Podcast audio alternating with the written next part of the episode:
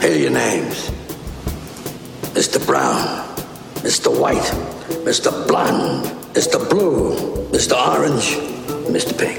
Why am I Mr. Pink? Because you're a faggot, all right? Benvinguts i benvingudes al Reservoir Jocs, episodi 52.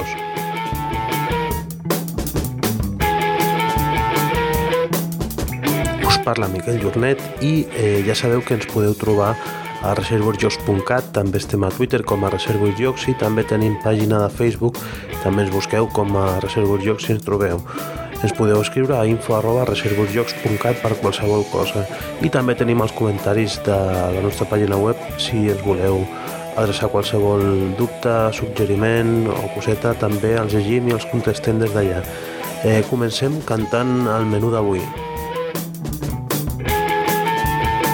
Al minut 6.35 tenim una breu entrevista on l'Oriol Comas ens fa el primer spoiler del DAU 2015, el Festival de Llocs de Barcelona. Si avanceu cap al minut 18.42, us donem els resultats del concurs sorteig que fèiem de, del lloc Founding Fathers signat pel Jason Matthews i també dels packs de daus especials pel Toilet Struggle, dels daus deluxe eh, és un sorteig que fèiem entre aquells que ens vau ajudar a traduir al, al castellà o al català eh, tota, la, tota la conferència que va fer el Jason Matthews al passat Festival d'Au Barcelona 2014 i si seguiu una miqueta més al, al minut 20 amb 18 ja eh, comencem, bueno, comencen el Jordi eh, el Jordi Nadal i l'Urco comencen a, a comentar una mica la seva partida bastant especial a, al Victus, una partida que bueno, no us ho perdeu però que bueno, la durada se'ls va disparar una miqueta. Després eh, en parlem i, i ho revisem tot Eh, més tard també, al 26-33, eh, jo parlo una mica del, del meu joc, del joc que estic jugant darrerament, que és el, el Lords of Waterdeep, i així, sense voler, surt una mica de comparació amb altres worker placements i eh, sobretot amb el Mirmes, i el comparem una miqueta i, i bé. Eh, més tard, al 33-30, eh, parlen també el, el Jordi Lurco de l'Star Realms, que estan fent algunes partidetes, tant en la versió física com amb la versió online, i, i el recomanen bastant.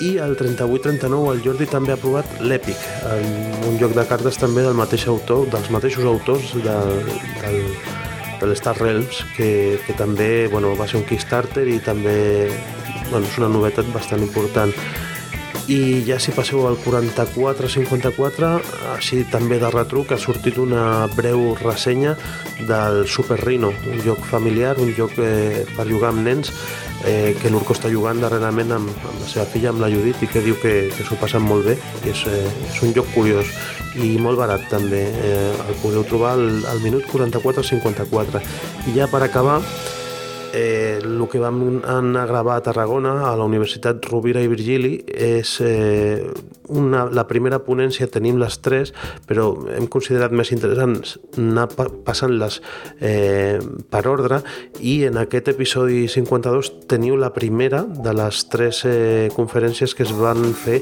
a la primera jornada de taulers i pantalles d'aquella universitat organitzades pel Jan Gonzalo i eh, podreu escoltar eh, per ordre el, el mateix Jan Gonzalo que introdueix la, la xerrada, després a l'Oliver Pérez de la Universitat Pompeu Fabra, més tard parla l'Anton Planells, que ja el coneixeu perquè va ser aquella persona que va eh, parlar també en, en el passat Festival d'Au, en, en les eh, conferències introductòries, i que abans estava lotat i ara està al Tecnocampus de Mataró, i eh, també el Víctor Navarro de, del Centre d'Estudis Superiors, Alberta Jiménez. Eh, parlant sobre videojocs, però a nosaltres també ens interessa. Eh, esperem que us agradin els continguts de l'episodi d'avui.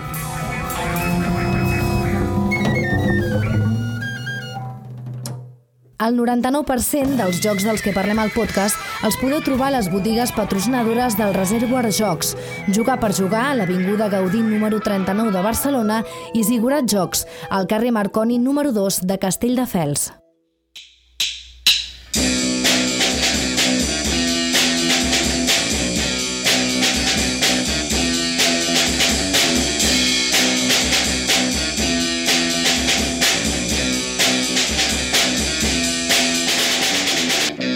Estem un mes més, que eh, en realitat hauria d'haver estat el mes passat, però aquell àudio ja el donem per perdut, una mica per, per històries amb, amb els amics, amb, amb l'Urco i amb el Jordi. Hola, Urco. Hola, Se't sent molt millor, eh? m'alegro, m'alegro. I hola, Jordi, què tal? Hola, Miquel, bona nit. El nostre bomber, què tal, com van les propos? pues mira, ahir vaig tenir examen. Ah, i, i Molt divertit. la nota quan... Saps? La nota dilluns. Bueno, bueno, molta sort. Merci, merci. Jo ara dic, per això t'agradava tant el, el rescate. Ara m'has pillat, no ho volia dir, però sí.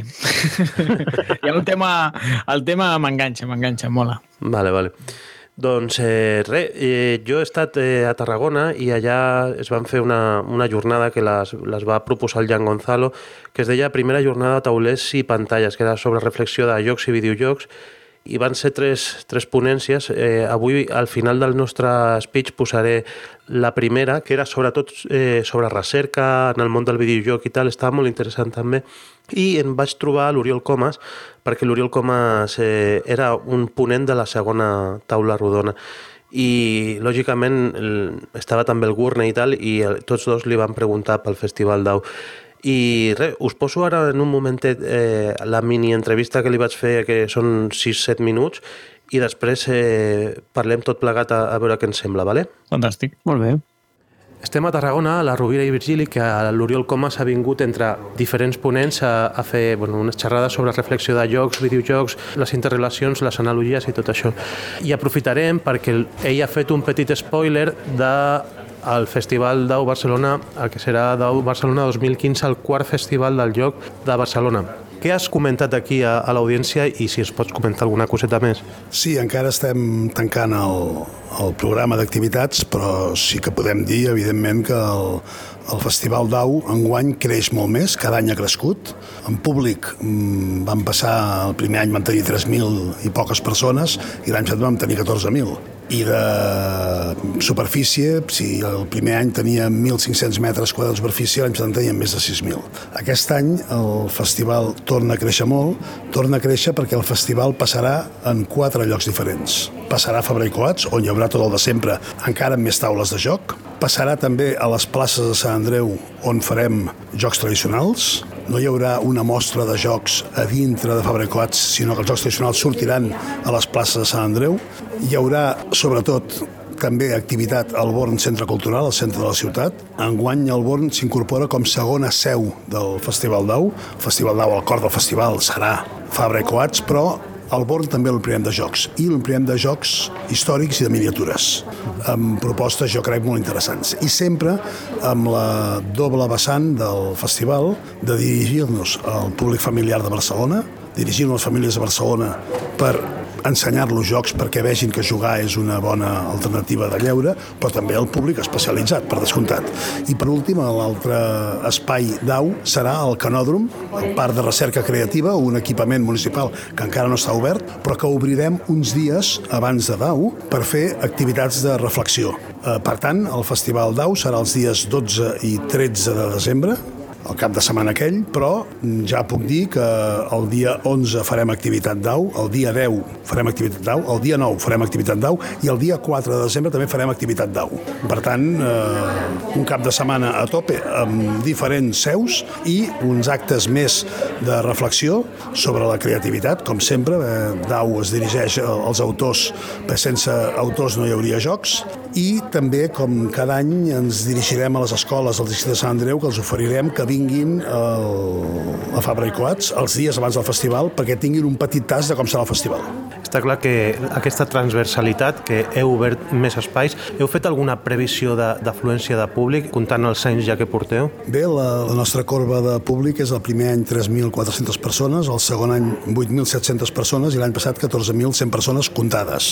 Aquest any jo crec que podem créixer bé més enllà de les 20 o cap, potser 25.000 persones. Una cosa que agraïm molt als que ens agraden els jocs, però també parlar sobre jocs, escoltar sobre jocs, són els espais de reflexió. I dius que el Dau des del primer Dau té aquest espai. Quines ponències sobre què es parlarà? Quin serà l'eix per parlar de jocs al Dau 2015? L'eix sempre serà la creativitat, que l'enfocarem des de diferents punts de vista i, per exemple, puc anunciar que l'autor que convidarem aquest any és Roberto Fraga i Roberto Fraga farà un workshop de com crear un joc a partir de materials, que serà una cosa jo crec molt interessant i serà un taller pel qual hi haurà poques places, per, per, per força. Eh, això es, es farà per inscripcions i tal, tot des de la web de daubarcelona.cat? Sí, sí, el daubarcelona.cat. Jo crec que la setmana que ve ja publicarem el, el programa sencer, i el, el tenim pràcticament tancat, si no l'hem publicat encara és perquè hi ha algunes hores, algunes coses que ballen i no volem portar la gent a error. Una de les coses que està passant és que cada cop hi ha més edició de jocs i més editorials, fins i tot petites editorials, microeditorials. Al Dau Barcelona trobarem les grans, que podríem dir les majors, com si sigués cinema, trobarem de tot una mica, eh, més o menys què trobarem. Sí, sí, ho has, ho has dit molt bé. De fet, aquest any, si cada any hem tingut unes 100 taules destinades a, a les editorials, aquest any arribarem a 100, de 130 i 150 taules perquè cada cop les editorials veuen que Dau Barcelona és el lloc on, on, on han d'estar. Allà es proven novetats i suposo que també la gent es podrà portar la novetat perquè també hi haurà punt de venda com cada any, no? Sí, sí, hi haurà un, un punt de venda, una botiga s'encarregarà, el Festival Dau és un festival, no és una fira, no hi ha estants, és només un, una pila, una muntanya de taules on es juga i hi ha una botiga per qui vulgui comprar. I per aquest públic més especialitzat, doncs farem moltes coses, per exemple, farem el, la nocturna, farem un off, la nit de dissabte 12 i diumenge 13 estarà obert tot, i eh, aquesta, aquesta nit, on tothom es podrà portar el seu joc i jugar, de fet ja ens han demanat força taules i, i hi haurà protos d'autors famosos, aquesta nit la gestionarà Ayudar Jugando. Estem molt contents que sigui així. Doncs era això, eh, t'anava a preguntar per l'off, eh, ja veig que es continua, la ludoteca d'Ayudar Jugando és immensa, suposo que hem crescut en, en això també, no? El públic una mica més avessat pot continuar jugant a la nit. Sí, sí, a la nit i per aquest públic també hi ha les zones de, de prototips, com cada any. Hi haurà el, els dos concursos que, que fem amb Berkami, etc. Activitats per tothom. I amb el Roberto Fraga podran interactuar també els autors eh, locals, no? Sí, sí, sí, amb aquest, amb aquest taller que organitzarà el, el Roberto serà per tothom que vulgui, però creiem que interessa sobretot als autors locals i farà, altres portarà protos seus per jugar, que també hauran de ser per inscripció, perquè tindrem poques places,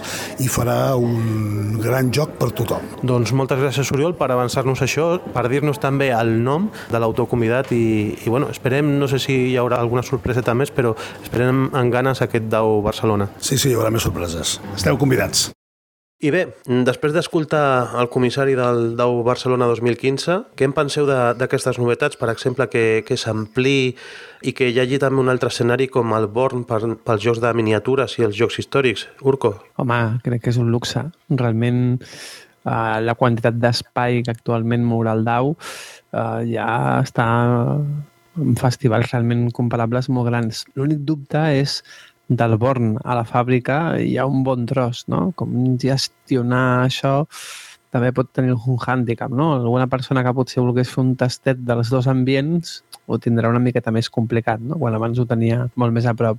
Però bueno, jo suposo que una ampliació sempre enriqueix. Sí, el tema està que els, eh, els Wargames eh, sempre els portava Rubicon i suposo que també estarà allà eh, sí que pot quedar una mica desconnectat i no sé, bueno, també va a les places de, de Sant Andreu Comtal eh, jocs, de, jocs tradicionals que crec que ho porta eh, bueno, una companyia de jocs, eh, ara no me'n recordo l'Anònima o l'Andròmina, no sé, l'Andròmina crec que és una botiga. Us passareu per tot? Eh, Jordi, tu aniràs a tot o què? Eh, sí, probablement sí, no? Perquè tinc moltes ganes de jugar així jocs històrics, perquè normalment no jugo amb els amics, sempre juguem altres coses. I em ve molt de gust. I el tema que estigui separat no veig tant un problema perquè sembla com que és algú més especialitzat, no? O sigui, ja la gent que vulgui allò ja anirà directament allò. Mm. Vull dir, la gent més casual anirà al central i si d'allà diuen, ah, doncs mira, més lluny tens de, doncs, de miniatures o històric, doncs ja s'acosta. I la gent que ja sàpiga i vagi el que, eh, el que va, pues, mira, a mi m'agrada l'històric, doncs vaig directament allà. Si fos la meitat del festival aquí i allà ho veuria més problema, però sent així... No. Sí, la tendència jo crec eh, de l'Oriol Comas és que, que al final s'acabi contaminant tota la, la ciutat, que, que el, el punt d'expansió sigui allà a Fabra i Coats, perquè té previst arribar a les 20-25.000 persones, que això ja, ja és tela, eh? Mm -hmm, Déu-n'hi-do. No és una xifra ja considerable, realment. Ja és el Està festival, eh? No sé quan... mm, Tu saps, Surco, en números de Còrdoba? Uf, no, no els tinc al cap. No, no m'atreviria a dir quantes n'hi pot passar. Vale. No, no, era per si el que jo diria que a nivell d'espai, si se suma el Born, potser a nivell d'espai de, de festival, potser ara mateix se supera Còrdoba. I després parlem dels autors convidats, Surco, que a tu eh, i a la Judit us farà molta il·lusió que vingui el Roberto Fraga des de Sant Maló, des de França, no? Home, ja en, Roberto Fraga sempre és un luxe. Em sembla que també va assistir a un jugar per jugar fa uns anys. Uh, em sembla que ha sigut també el gran absent a Còrdoba. També estava convidat aquest any, però per una malaltia no va poder assistir i, i serà un luxe tenir-lo a, a Barcelona. No? Jo crec que a Judit li farà molta gràcia conèixer l'autor del Fila i Filo, que vulguis o no, ara mateix ens ho passem molt, molt bé jugant amb ell. I del Danza al Huevo. I, i, i, la, i sí, i la I el huevo. més Bueno, jocs, eh? també, el River. Dragons i tal. I després diuen que eh, farà un workshop, tindrà places molt reduïdes, co- com ha explicat l'Oriol, de com es crea un joc a partir d'un material, que això, això és interessant. Tu, Jordi, als workshops t'apuntaries o, o aniràs de visitant i a provar novetats? Home, si tinc temps, jo, jo ho faré tot, eh, ja t'ho dic ara. Però després haig d'enganyar algú perquè m'acompanyi, perquè anar forever alone em fa una mica de cosa. Però si enganyo algú, allà em tindreu fent de tot, eh? segur, segur. Això del workshop no ho he fet mai i molaria provar, a veure, a veure què tal. Mm, Ja l'any passat ja van haver workshops i va estar bé, eh, perquè així estàs mà a mà amb l'autor i, i mola molt. Eh, després la lesió Cavatore, que aquest és ja més pels eh, Warhammeros, és un, és un autor que, que va néixer a Turín, però als 25 anys es va anar a viure a Anglaterra eh, per fer de traductor de Games Workshop. I el tio s'ha muntat una, una editorial i està fent jocs, i fins i tot ara ha tret un de Waterloo, un Wargame, i aquest agradarà més el, el de les minis i, i bueno, suposo que aquest igual, aquest autor va a, a l'espai del Born Centre Cultural. No sé si confluiran tots, això ja és qüestió d'organització, està tot encara molt verd, com es veu. Coneixeu la lesió que Cavatore? No, això no. No, no, ma- mai he sigut de minis. Va haver-hi una primera època de la meva vida que vaig jugar a Warhammer, però té uns preus absolutament inaccessibles per algú amb el meu pressupost d'aquella època. Uh -huh. I Urco, eh, una cosa que tu, com ets eh, samarreta taronja, aquest any és novetat que la ludoteca de l'OF la porta a ayudar jugando. Genial, no? Home, ho trobo molt bé. Penso que l'OF li faltava donar una, una volta perquè acabés de funcionar bé i jo penso que una ludoteca gestionada per Ayudar Jugando li pot acabar de donar aquest punt de, de revulsiu, no? d'acabar que fins, fins fa poc era l'OF era una miqueta els jocs que cadascú es portava no? i no, no quedava tan com una ludoteca funcional. I a veure si els autors, que l'any passat van, van passar-se per allà, però al final no interactuaven gaire amb, amb la gent, a veure si aquest any, eh, amb el Roberto Fraga, que no sé si estarà molt pel tema, es passa per l'OF també i, i podem jugar alguna cosa amb ell. Molaria molt, eh? Poder jugar amb els autors i tal i guanyar-los els seus jocs. Molaria, molaria. Bueno, Tenim experiència amb el Pere Pau, que més d'un cop m'ha aconseguit derrotar-lo amb un joc creat per ell. Ah, mira. Sí, acostuma a passar, no?, per lo que, deia, lo que diu... Bueno, ho diu molta gent, que amb l'esforç que, que posen en explicar-te el lloc, moltes vegades perden eh, la visió competitiva, no? Per, bueno, és un esforç extra no?, que s'està fent. Això ens passa a nosaltres també, a vegades quan expliquem jocs eh, acostumem a no guanyar, tot i que sigui nostre, no? Jo m'hi esforço, però em costa, eh, no guanyar. Vull dir... Bueno, és com una, conya, eh? com una llei no escrita, però bueno... eh, No, però sí que passa que a vegades estàs tan pendent que tothom s'ho passi bé, que ni te'n recordes el teu torn, bueno, doncs faig això. Però allà tu entens, sí, tu, tal, no sé què, i, i les normes i tot, se t'oblida... Que no se t'hagi oblidat cap norma, cap regla Sí, important. sí. M'havies recordat, Jordi, offline, que eh, teníem pendent el concurs, és veritat, el concurs de la gent que ens va ajudar a traduir la xerrada aquella del, del Jason Matthews, de l'anterior DAO, o sigui que mira com anem. I regalàvem un joc que era el Founding Fathers, eh, signat pel Jason Matthews, i dos packs de daus pel Twilight Struggle, que eren daus de luxe.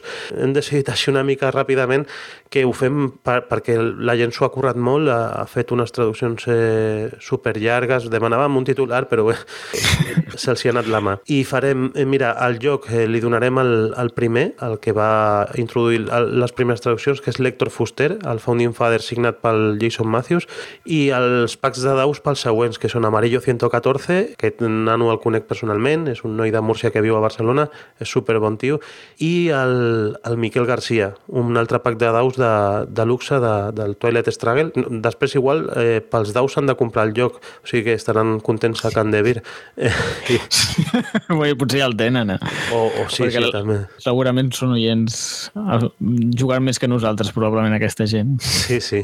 I agrair-los a tots, també al Santi Llopis, que, que és eh, el quart en Discordia i que no tenim regal, però bueno, que gràcies a tots perquè al final ha quedat tot traduït i ha estat superbé. Eh, gràcies per participar. De tant en tant regalem alguns jocs aquí al, al Reservoir Jocs i mira, eh, us ha tocat, o jocs o accessoris en aquest cas. Els daus eren gentilesa del, de la ludotecla, de l'antiga ludotecla, que era el laboratori de jocs de la Tecla Sala, que portava l'ENAC, i li donem les gràcies també a ell. I seguim. Va, eh, tenim pendent una, una conversa sobre un Victus que vau jugar, al final vau quedar vosaltres a jugar. Com, va anar la cosa? Mm, bueno, no sé, que ho expliqui l'Urco i jo després donem unes pinzellades. Se'n diu fugir d'estudi, eh? que, Bueno, que digui la seva opinió i a veure, jo Bueno, vam- vam quedar allà en territori del nostre company i bueno, vam fer l'explicació i vam arrencar el Victus. Potser vam arrencar una miqueta tard perquè diria que ens vam posar a jugar potser cap allà a les 12, no? Més o menys. Probablement. Probablement, no? No ho tenim clar del tot, però... I bé, la veritat és que, a veure, va ser una partida llarga, jo diria que és la partida més llarga que he fet al Victus, però tot i així li he d'admetre una virtut al Victus que em va sorprendre, no? Jo amb, amb jocs com l'Agrícola o el Puerto Rico o el Power Grid, quan hi ha una persona que triga molt i que la partida s'allarga molt i aquestes coses, arriba un punt a vegades que desconnecto, no? Que m'avorreixo i m'agobio. I tot i que el cansament jo crec que ens, ens va arribar a fer mella, com aquell que diu, no? perquè vam acabar molt de matinada, jo vaig estar en tensió tota la partida. Realment és una cosa que, que és d'agrair, no?, de com funciona el Victus. Al final va haver un punt bastant crític, que ens havien entrat a Barcelona, teníem un parell de tropes borbòniques composades per multitud de borbònics que estàvem a punt de caure i estàvem allà trencant-nos les banyes a veure com podíem aconseguir per eliminar. A veure, Una di, jugada rara que vam aconseguir restablir una infanteria de l'hospital durant una volteta ens va donar una mica d'oxigen, no? O sigui, tot i que eren les 6 del matí, ens mantenien en tensió, com a mínim a mi. No sé a tu, Jordi, com et va la cosa. La cosa. Bueno, a veure, després, des del meu punt de vista, evidentment, jo tinc molt de P i realment van venir dos jugadors, no direm qui tenia més AP, però els dos també tenien força AP. Jo diríem que més que jo, que l'Urco decideixi. I, bàsicament, la partida es va, es va allargar, es va allargar molt, però el, tothom em va dir el mateix. El joc m'ha agradat molt, però, bueno, un va marxar, l'Urco ha tingut la decència de no dir-ho, però és que vam tenir una baixa per allà a les 5 del matí, com és normal. Eh, bueno, és normal, no sé, és que no podia més, el pobre estava dormint, s'havia aixecat d'hora i va haver de marxar. Però no sé, ens va agradar molt. L'única, no crítica, però l'únic que ens va dir, ostres, és que potser la primera vegada que jugues podries fer, en lloc de tres rondes iguals, podries fer-ne dos. I és que la primera no és que no féssim res, però bàsicament com et prepares com per la, el setge, no, Urco? Sí, bàsicament. La primera part és més tranquil·la. A veure, en... també s'ha de dir que vam jugar la partida completa i Sí. que la partida d'iniciació és més curta. Ah, mira, mira, pues, pues ja ho dèiem amb raó. Però clar, ho típic que et diuen, ets un jugador dur, no sé què, voleu fer la partida d'iniciació o ja la de veritat de nosaltres? La de veritat, la de veritat, vinga, va! Tot i l'hora que era. I, bueno, pues va passar el que va passar, que va acabar molt tard. Però, bueno, al final va ser entre èpic, molt èpic i super èpic, perquè crec que vam tenir tres rondes seguides, les tres últimes rondes, que era si passa això, morim per tal. Si passa allò, morim per qual. I, en canvi, si passa això, això i això, ens salvem. Tires, bé, ens salvem, vinga, una ronda més, no sé què, i trencant les banyes allà, que com sobrevius, quina, ron, quina carta jugues. Si jo jugo aquesta, tu pots jugar tal i tal, tu pots fer això. Mare de Déu, una tensió. Sí, Sí, allà Potent, potent. de peu tota l'estona i al final ja no saps. per on venen, que no et queda gent, que s'està destruint tota la ciutat... Bueno, un drama. Però resumint, si us porteu aquest grup al Victus a les 24 hores de Sabadell, us dona temps a fer com a molt quatre partides. Jo crec que, jo crec que tres. De fet, tres, perquè si hem de tornar a explicar el joc, van ser vuit hores amb explicació, quasi, perquè vam quedar a les 10 i marxar a les 6 i mitja, o sigui... Bueno, Però, bueno, típic, un arriba tard, vam estar desplegant el mapa, ara t'ho explico, jiji, jaja... Home, que tampoc és plan venir, calleu, tots a escoltar, i venga a jugar. No, no, estàs allà, jiji, jaja, tal qual... Hi havia alcohol pel demano mig, vinga. Digue'm? Vau veure alguna cosa? No, no, no, no. Mai bevem per jugar, si no, imagina't. Vale, vale. O sigui, si ja sense alcohol tenim AP i se'ns allarguen les partides, tu fica unes gotes. Res, res. No, no es pot, no es Vale, bueno, pues No, no, sí, em va sobtar, em va sobtar. Eh? Normalment en partides de Victus hem arribat a picar alguna cosa, beure alguna cosa, i no, no, i aquests són, pum, a jugar. Vale, bueno, pues aquesta està la vostra experiència. Al final vau salvar Barcelona amb amb aquestes Sí. 6 hores. Sí, sí, al límit, eh? Jo va haver-hi diversos punts a la partida que pensava, no acabem. Ja. O sigui, va, i a més va ser molt graciós perquè la primera ronda jo vaig pensar, aquest joc és superfàcil, perquè ja ens hem fortificat de tot a tope, o sigui, vam començar superbé. La primera ronda la vam acabar que vaig dir, mare Déu, no havia vist, bueno, no havia vist, que no havia jugat mai, però dius, estaven totes les muralles fortificades al màxim, tothom allà fent ben ficat, teníem tropes a fora per destruir els... Uh, què destruïes des de fora? Ah, sí, els campaments, que això ajudava trinxeres que les trinxeres que avançaven. O sigui, ho teníem molt ben muntat. Jo dic, bueno, això serà bufar i fent polles, sí. però res, res. Mhm. Mare de Déu, com vam patir el final, eh? Colin. bueno, el, tu dies que t'agradaven els jocs de patir. Els Victus Sí. va patir, jo no. Només començar vaig dir, a mi m'agraden els jocs de patir, eh? Com, si guanyem fàcil no m'agradarà. Però fàcil no va ser, ni per temps ni per dificultat. La veritat és que no. Bueno, eh, sempre que parleu m'entren ganes d'aconseguir-ho i ara hi ha una a la mat trade de la BSK i a veure si, si ho puc aconseguir d'aquesta manera, eh, perquè el joc no, no, és, no és barat, també té molts, molts components i està molt ben produït, no? Sempre que Home, tu parleu... has vist el mapa, Jordi. Sí, sí, sí. Ostres, el mapa. Jo no havia vist mai un mapa tan gran. En sèrio, eh? Bon, un tauler, tauler, s'entén. Sí. Però és que allò el treus i saps aquests mapes que es comença a desplegar, clic, clic, clic, clic, i allà es va fent gran i de cop es multiplica per dos i dius, mare de Déu, però què és això? Sort que teníem una bona taula allà, perquè si no, és que, és que no, no és apte per totes les taules dels menjadors de casa dels catalans. No, però és, és una preciositat. Jo penso Sí, sí, que brutal. És una edició que fins i tot tocar el manual està cuidada. O sigui, Sí, sí, sí, sí. Res, res. De la primera a l'última peça, tot està molt ben cuidat. Jo parlaré molt breument de, del que he jugat darrerament, perquè amb, amb la nena estic jugant molt poquet, però un dels jocs que he provat que era un que tenia pendent de jugar, no sé què tal, és el Lords of Waterdeep i, i m'ha agradat molt com a lloc de col·locació de, de treballadors. Fins i tot eh, amb mata i, i, i tenia un caverna perquè me'l vaig comprar després de la partida que van fer Urco a la Masia allà em va, em va mig agradar el joc, però després és que veig que està sobrecomplicat, no?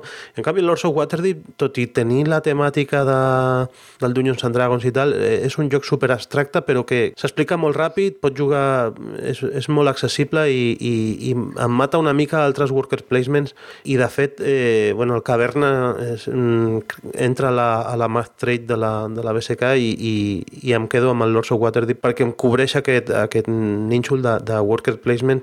El que passa és que és això, de 60 minuts. Al, al Caverna t'has d'anar bastant més i jo que sé, em passa també amb, amb l'agrícola, eh, que jugar-ho amb la versió ja no familiar eh, se'm fa massa, massa hipercomplicat i, i bueno, no sé, potser és que m'he fet gran, però, però de veritat, eh, no vull jocs eh, sobrecomplicats, vull jocs que puguin veure més taula, que a vegades és repassar. Si fins i tot crec, Urco, que quan el vam jugar ja a la Masia, després de la partida ens vam donar compte de que havien fet alguna cosa malament, no? Eh, acostuma a passar amb Sí, jocs vam, així. vam tindre un fallo de les regles, sí, sí. Però bueno, són jocs diferents, o sigui, una Sí, cosa sí. és no?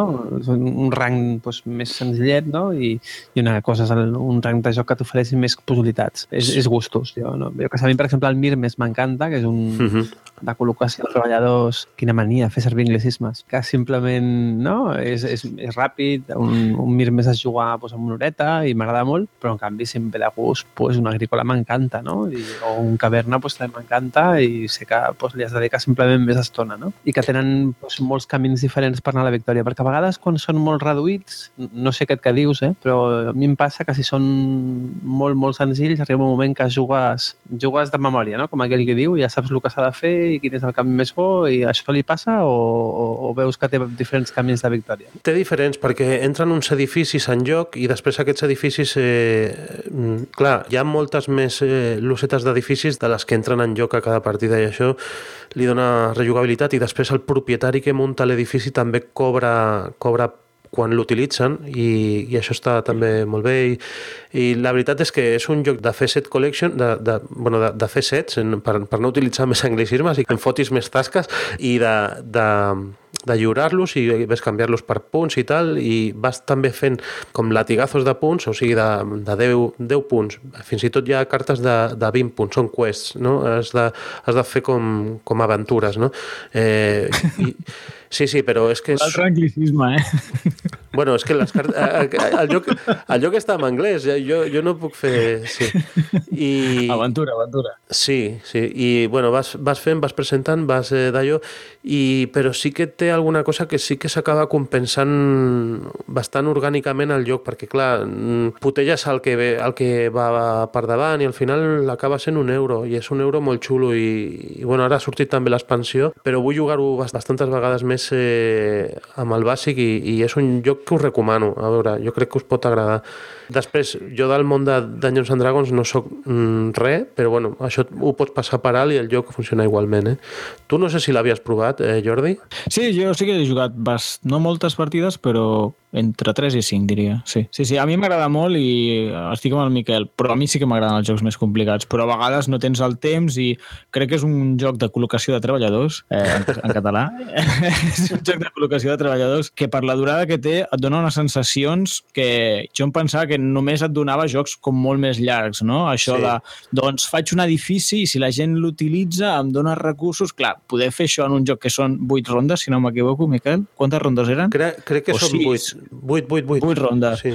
Clar, o sigui, és molt... Ja comences, pum, i potser la primera o la segona ronda, pum, doncs ja compro un edifici, pam, i si algú l'utilitza em dona punts, si no l'utilitzo jo i tal. I això, i que sempre pots fer coses i pots comprar més meeples, no? Hi ha accions que són com mig dolentes i sí que era com anar a buscar una carta i quan tothom ha ficat els seus treballadors pots agafar el teu Mipel, el, perdó, el teu treballador i, la, i el poses per allà. Com és Mipel en català, Urco? Serà Mipel, no? No, no, no té traducció, em sembla. Ah, ah, ah. No Mipel encara. Li hauries de buscar una traducció. És complicat, eh?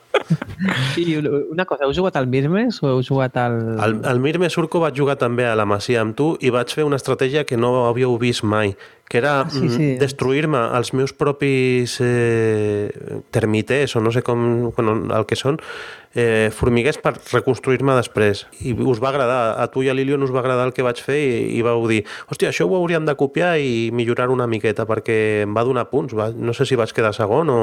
No sí, sí, va ser, va ser curiós, va ser curiós. I això Però està bé d'un joc, que vingui un, faci una cosa que mai havíeu vist, els que ja havíeu jugat algunes partides, això mola. No, per això, però que és, ho, ho definiries com un euro d'aquest estil, dels que, o sigui, duren poquet però té bastanta profunditat? Menys profund que el Mirmes, perquè el Mirmes té tot el tema de la configuració del, del formiguer, no? de, o de, que, bueno, el del tauler central, que allà hi ha molta interacció. Eh, mm. No té tanta interacció, això. És només la de la col·locació dels treballadors, eh, et trec aquesta acció, i després sí que hi ha unes cartes d'intriga que sí que serveixen per putellar una mica, perquè la gent no pugui anar a, a, a completar aventures de les que li donen punts si no completa una que tu li has tirat a una altra. És com una maledicció, una, bueno, una, una història d'aquestes potser potser per mi és més complet en, en l'experiència d'una hora, una hora curteta de, de joc al, al Mirmes. El Mirmes és un gran joc, em va agradar moltíssim també i, i també el tinc i a la Neida també li va agradar i, i el tenim pendent de jugadors, però ara amb la nena mm, difícil. I l'altre, el Lords of Waterdeep, tot i que diu que es pot jugar de dos a cinc jugadors, crec que a dos pot ser, no sé, bastant fluixet. I en canvi el sí, jo... Mirmes eh, potser funciona. Sí, a dos no, no el veig gaire interessant, el Lords, no. Lords of Waterdeep. No, el Mirmes a dos funciona bé, eh? Sí, perquè es constrinyeix, no? No sé com es diu, és sí, sí, sí. el tauler, no? El tauler, el tauler ja fa més petit i pateixes igual. Sí. pues ja està. I, bueno, no sé si mm, estàveu bastant viciats amb, amb l'Star Realms. El, el Jordi se l'ha comprat en versió física, tu, Urco, no sé si el tens físicament, però també jugues molt a, amb l'aplicació, no? Sí, sí, nosaltres estem molt enganxats amb el Basco i amb més gent, que ja m'he animat a, a jugar també. Pots trobar contrincants online, tipus Hearthstone, que t'ha buscar un que estigui més o menys al nivell que tu estàs i la veritat és que és un vici perquè és un joc ràpid, és un joc que dona bastantes maneres de poder guanyar i, i cada partida canvia molt perquè així com el Dominion o altres jocs no, tens totes les cartes disponibles per comprar, aquest uh, és, són, tens només 5, que em sembla que són cada torn, i, i la canvia molt la partida, depèn cada configuració inicial que et surt. A tu, Jordi, què t'ha semblat? Bueno, a mi m'ha encantat. Bàsicament el vaig comprar perquè, ho típic, compres un joc per internet i per no pagar els 3 euros de gastos d'envio compres un altre joc perquè et surti gratis i l'Star Realms eh, pues, val uns 15 euros o 18, una cosa així, i dic, vinga, va, vaig a provar-lo. I és fantàstic, eh? A mi, però és que m'ha agradat moltíssim. Va ser comprar-lo i vam estar ahí jugant tota la tarda amb un amic, i vinga, i partida, i partida rere partida, i ostres, ara he fet això, allò, i he pogut comprar tal, i m'ha combinat amb tal. És agafar un deck building game, com el Dominion, però uh -huh. fer-lo amb un tamany perfecte, és una caixa com de cartes, sí, i res, és la caixa, venen totes les cartes i amb allò ja pots jugar. I el que també ens agrada molt és compres allò i ja pots jugar. I després si vols comprar expansions, doncs compres expansions, però et dona sensacions com quasi de LCG, tot i que és un deck building game, però per, ho dic per la manera de combinar les cartes entre si, perquè hi ha com quatre faccions i si vas comprant cartes, doncs com el Dominion, no? pots comprar cartes, doncs em compro més vermelles i les vermelles combinen entre elles i tenen una habilitat especial. És una cosa sí. molt xula, que és que el, les naus d'una mateixa facció Mm. Si tu jugues les, les cartes d'una mateixa facció en un mateix torn, entre elles upgradegen les seves habilitats. Moltes cartes tenen una segona habilitat que només s'activa si hi ha una nau del teu mateix pàndol combatent en aquella ronda. I això pues, fa que sigui molt temàtic, no? De, pues, mira, agafo aquesta, que aquesta em combinarà amb una que ja he robat, que això està molt bé. Urco, I, quan, I és combat directe. Quan deia subgradegen, Urco, vols dir milloren, no? milloren, milloren. Ho he pensat jo també, i m'ha callat. No, no, no que, que sí. defensem una mica el català. No, una cosa us vull preguntar. Li veieu l'efecte aquest eh, sacaquartos que tenen els, eh, els LCG, els, els Netrunners i Magics i totes aquestes coses? O veieu que el joc pot tenir un límit i no treuran expansions i expansions i expansions? En trauran expansions i expansions i expansions, això segur, vale? perquè tots aquests jocs, en el fons, al final acaben fent-ho, no? L'únic aquest, pues jo què sé, si cada capsa del Dominion són 30 i pico euros, uh -huh. doncs aquests són, són cartes petites i algunes fins i tot em sembla que són sobres, no? Però igualment jo porto des de l'estiu enganxat amb el Basco i no hem parat de jugar i només juguem amb la primera capsa, o sigui que tens per temps. Una cosa és que siguis completista, però això ja és una cosa personal. Ja. Mm. I l'efecte de que hi hagi una aplicació gratuïta, vosaltres creieu que suma o, sigui, o que resta? Que, que hi ha més perill de que la gent no es compri el producte físic o, o fins i tot ho facilita més? Home, jo crec que ho facilita, eh? perquè a mi em va convèncer. De fet, vaig saber que estava a l'aplicació gratis, no hi vaig jugar i me'l vaig comprar, perquè em vaig pensar, home, home, també és que no tenia molt de temps, però per altra banda vaig pensar, dic, home, si posen l'aplicació perquè el provis, és que el joc val la pena. Uh -huh. No, o sigui, el, el joc no serà dolent si, si te'l deixen provar gratis perquè el provaries i dius, aquest joc és una merda, no me'l compro. Uh -huh. no? I, em va, bueno, i també vaig llegir una molt bona ressenya i va ser, com bé, va, va, per la saca. I, a més, l'aplicació gratis és molt limitada. T'ensenya a jugar, pots fer com la primera ala d'un conjunt. És com una campanya, no, Urco? Sí, és com una sí, campanya. Correcte. Sí, sí. sí. Pues pots fer com la primera, no sé com dir-ho, sí, la primera ala de totes les que hi ha i re, et, et deixa amb les ganes de més. Bueno, a mi em va deixar amb les ganes de més. Estava allà desitjant que m'arribés al Stan Realms. No sé què penses tu, Urco. El mateix. Jo penso, que és, jo penso que ha sigut una molt bona eina de distribució del joc perquè la campanya gratuïta et deixa jugar una campanya, que et deixa provar el joc, saps la mecànica, saps que és agradable i llavors si pagues, em sembla que són 3 euros, et deixa jugar online i t'obre les demés campanyes. O sigui, en el fons també és una font d'ingressos per ells. Sí. Mm. Jo penso que està molt ben pensat. A més, en el moment que jugues online és un vici, perquè ja tens un nivell, vas pujant de nivell, no? A la que jugues a nivell, pues et busca adversaris del teu nivell i, i la veritat és que, bueno, arriba a estar bastant entretingut. A més, jo penso que està molt bé respecte al Hearthstone, que l'han fet que els torns no han de ser en temps real. El pots deixar... Puc jugar Sí, jo puc jugar un parell de torns perquè ara estic al tren i els puc fer, no? I després, pues, al migdia jugo un parell més i, i penso que això li dona un, una comoditat, sobretot pels que tenim nens i coses d'aquestes, que consumeixen temps, que ara ja deus saber, i és més fàcil acabar les partides. Sí, sí.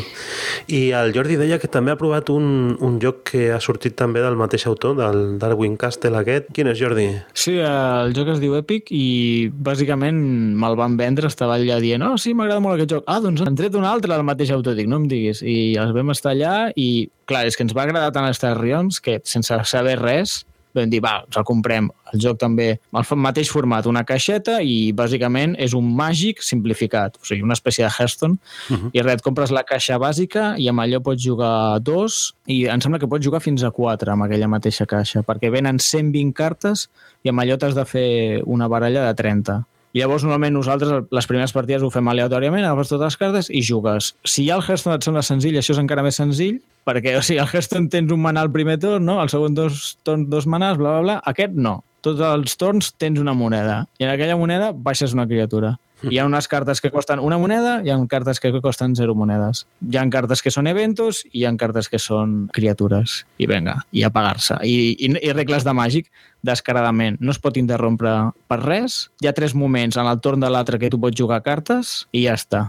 I, és tot. O sigui, és agafar màgic, treure-li un munt de normes i poder jugar. I, a més, no hi ha restriccions per colors, però exactament el mateix que les Time Realms. Les cartes del mateix color eh, interactuen entre elles, llavors, si et fas una baralla, és interessant que tinguis bastantes cartes del mateix color, però no passa res si no totes són del mateix color. No sé si ho he explicat bé. S'entén? Sí, més o menys. Comparteixen format i autor, però són jocs ben diferents, no? Uh, un i l'altre, l'Star sí, sí, sí, sí, sí. O sigui, l'Star Realms és un deck building game, és un Dominion, però que has de matar el teu oponent, que per mi és la grandesa, també, perquè el Dominion a vegades començaràs allà a liar-te, a comprar i a comprar. Aquí l'altre té unes vides, tu jugues unes cartes, que et, algunes et fan aconseguir més or i els altres fan que ataquis més. I algunes fan les dues coses, les Time Realms. L'èpic és un màgic, o sigui, robes cinc cartes i al teu torn doncs, jugues una criatura i algunes tenen pressa, altres no tenen pressa, aquesta té com grito de batalla de Hearthstone, no? entra i fa alguna cosa, aquesta si entra una del mateix color també fa alguna cosa, és un màgic completament, o sigui, deck building i màgic. I les dues jo crec que tenen la, la cosa bona, almenys per mi, que són autojugables, o sigui, compres una caixeta de 18 euros i estàs jugant a una espècie de màgic i a més que a mi m'ha donat una sensació, sobretot a l'Epic, bueno, bàsicament a l'Epic, com de les meves primeres partides al màgic, no? quan jugaves amb mazos que eren dolentíssims, amb criatures enormes, i m'ha donat aquella sensació, però molt més curt. I la veritat és que, no sé, m'ha agradat. Al principi anàvem perduts, perquè clar, tu penses, robes cinc cartes, les cinc són diferents i tenen un petit text. I les normes no són tan senzilles com les Tan Realms perquè Star Realms pues, és molt Dominion. I hi ha paraules clau, és pèl una mica més difícil, però és molt senzill de jugar. I crec que és tan nou que encara no han fet un bon vídeo per ensenyar a jugar. N'hi ha un, que surt el mateix autor, ensenyant a jugar, però diuen que en trauran més, com més professionals, bàsicament. Molt bé. Mm -hmm. Pinta molt bé, pinta molt bé, realment. L'Epic. Li han fet aplicació a Android? No, que jo sàpiga, per ara no però no sé, que és que és força nou, em sembla. És que me'l va donar el pal. És molt nou, sí, està molt bé. Eh, crec si és del 2015, no sé quan, quin mes va sortir, però diria que no. Mm, 2015, sí. I d'aquest, eh, només eh, White Wizard Games eh, l'ha publicat.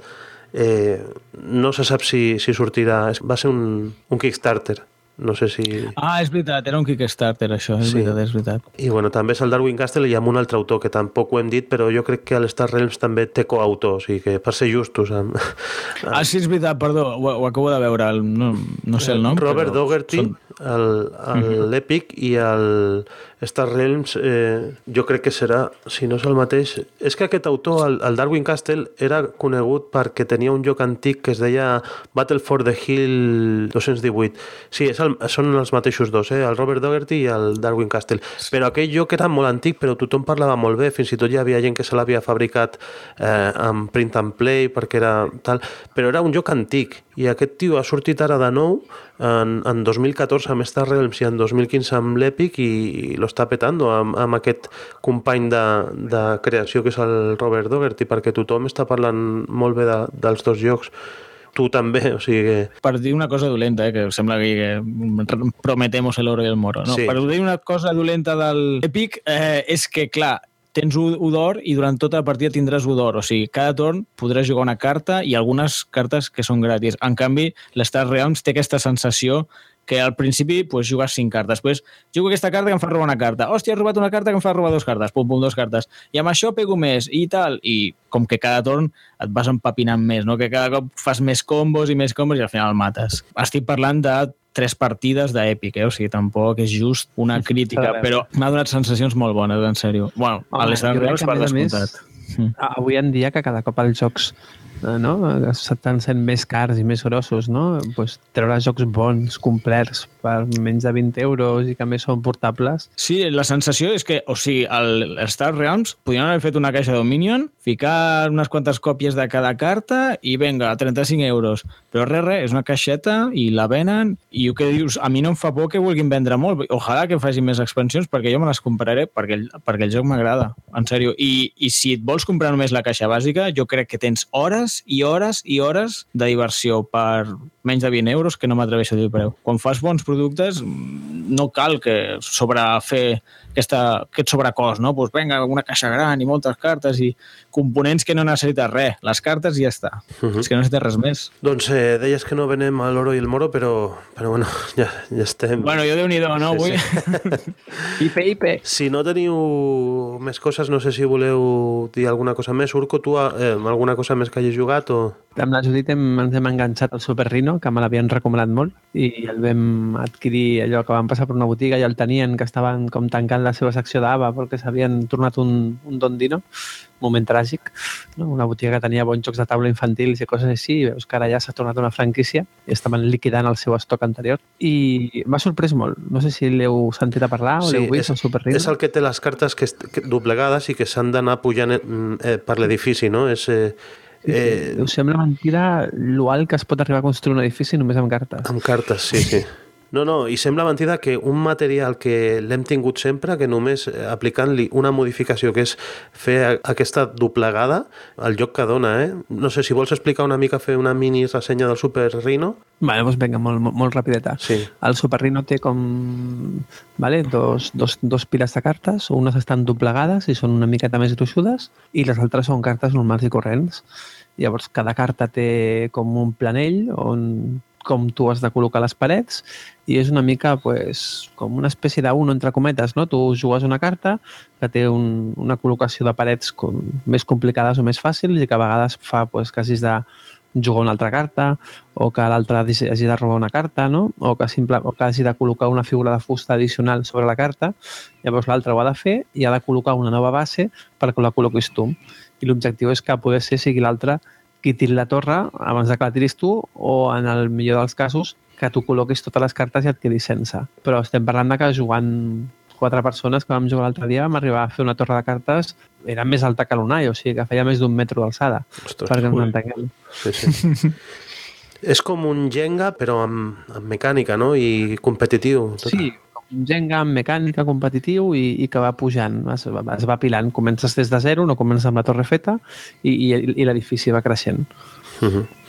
Bueno, pues eh, és un joc també barat, eh? De, surt per uns... 7 euros, Sí, sí. una ganga, o sigui, Sí, sí. una cosa que ser petita d'ava, portable, a qualsevol lloc, no, no, està molt bé. El Super Rhino.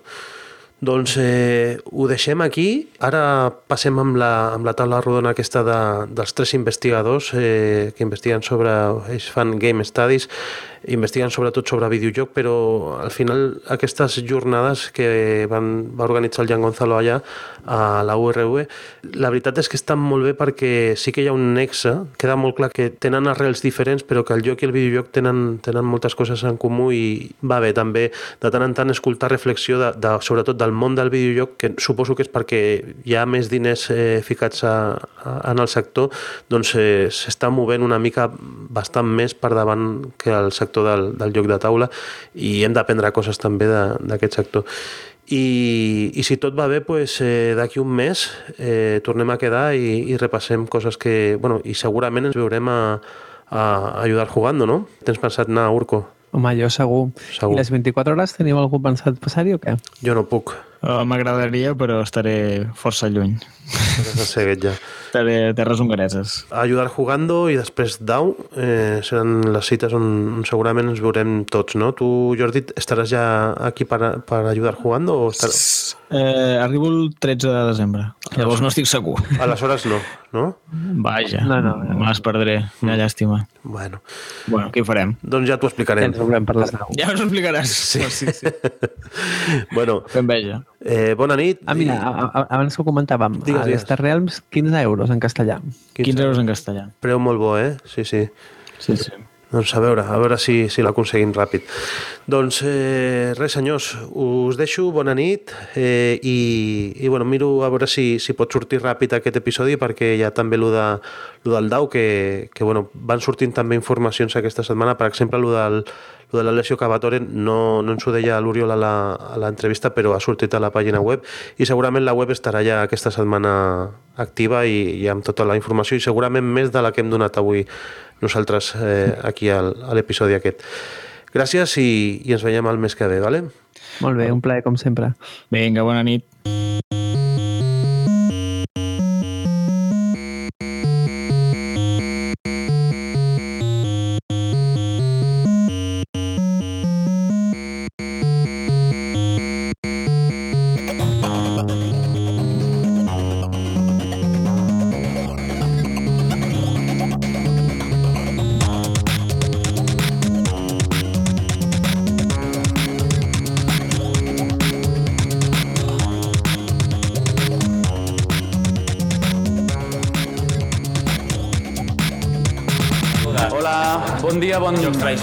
Buenos días.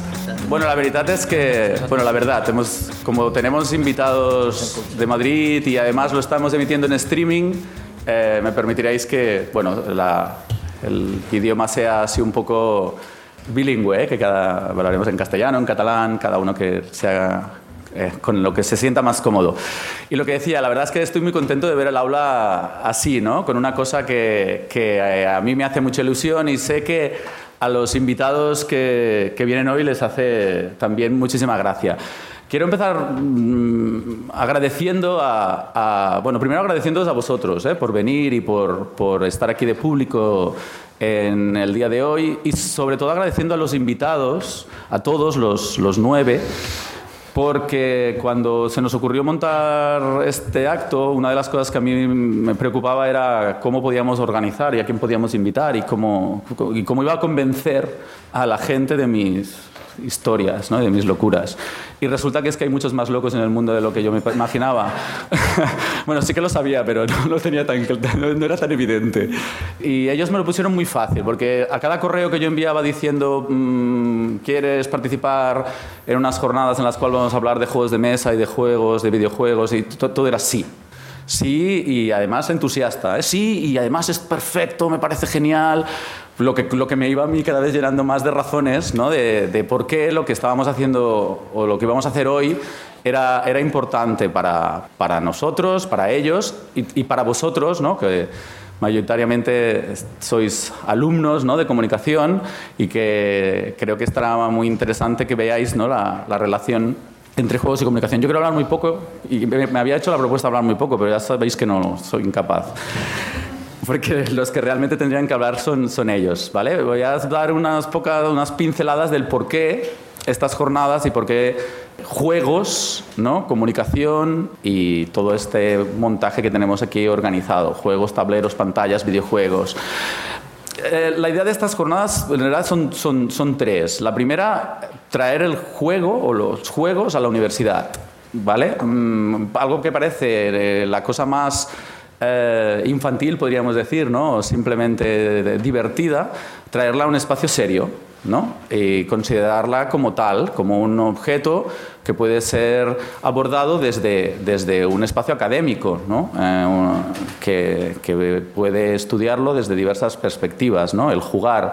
Eh, yo creo que todos los que estáis aquí, si ahora echáis, ¿no? pensáis que habéis hecho en los últimos días, seguro es que en algún momento habéis jugado a algo a través de alguna plataforma o a, través de alguna eh, de algún objeto. ¿no? Eh, el jugar es un elemento que nos hace humanos realmente ¿no? y con una importancia social y cultural eh, fundamental. La, la segunda cosa era traer los juegos a la comunicación. ¿no? El por qué, por qué está en, esta, en estas jornadas, en este espacio, ¿no? en el Departamento de Estudios de Comunicación. Eh, yo el otro día leí una, cita que creo que es de Huizinga que dice que todo juego es necesariamente construcción de significado. Eh, ¿no? Es una frase que a mí me parece genial. Todo juego es comunicación, ¿vale? El juego se tiene que comunicar con la persona, la persona tiene que entender qué es aquello que tiene, que, tiene delante, el juego permite a las personas comunicarse entre ellas, ¿no? No hay mejor espacio de comunicación que, que un juego. El juego explica cosas, ¿no? Nos explica historias, nos, nos narra eh, mundos. ¿no? El juego además nos permite entendernos como sociedad, somos una sociedad lúdica, somos una sociedad que juega y además dentro de esa sociedad que juega eh, podríamos incluso distinguirnos ¿no? eh, a través de identidades particulares, a través de tipos de juego, a través de ocios diferentes, ¿no? nos, nos, nos genera identidad y, nos hace ser quien, quien somos ¿no? y cómo nos, nos organizamos. Y una de las mesas no es los juegos necesariamente tienen que comunicarse desde las diferentes, eh, los diferentes medios, los diferentes formatos que, que tenemos. ¿no? O sea, yo creo que es, este mundo de la comunicación está permanentemente alrededor de los juegos. Y la tercera razón, que es la que a mí me hacía más ilusión, era traer los juegos de mesa los juegos analógicos, los llamarlo como queráis, ¿eh? bueno, podríamos encontrar un montón de, de nombres traer los juegos de mesa y colocarlos en el mismo nivel que, eh, que han conseguido los videojuegos, ¿no? aunque queréis que tengan más, pero, pero realmente eh, han conseguido un, gran espacio. ¿no? Traer los juegos de mesa y reivindicarlos, sobre todo porque, curiosamente, en un mundo en el cual se suponía que las pantallas iban a hacer desaparecer los juegos de cartón y de plástico, eh, nunca más que ahora eh, se juega en las mesas. ¿No? O se juega a través de dispositivos eh, digitales a cosas que se jugaban en las mesas. Hay hibridaciones eh, fantásticas entre formatos, entre mm, mecánicas, entre formas de jugar, incluso jugar con tableros y, móviles a la vez. Eh, hay cosas muy, muy interesantes. No quiero darle más vueltas porque los que realmente son importantes son ellos y, y, yo os quiero decir que los que realmente son los expertos son ellos.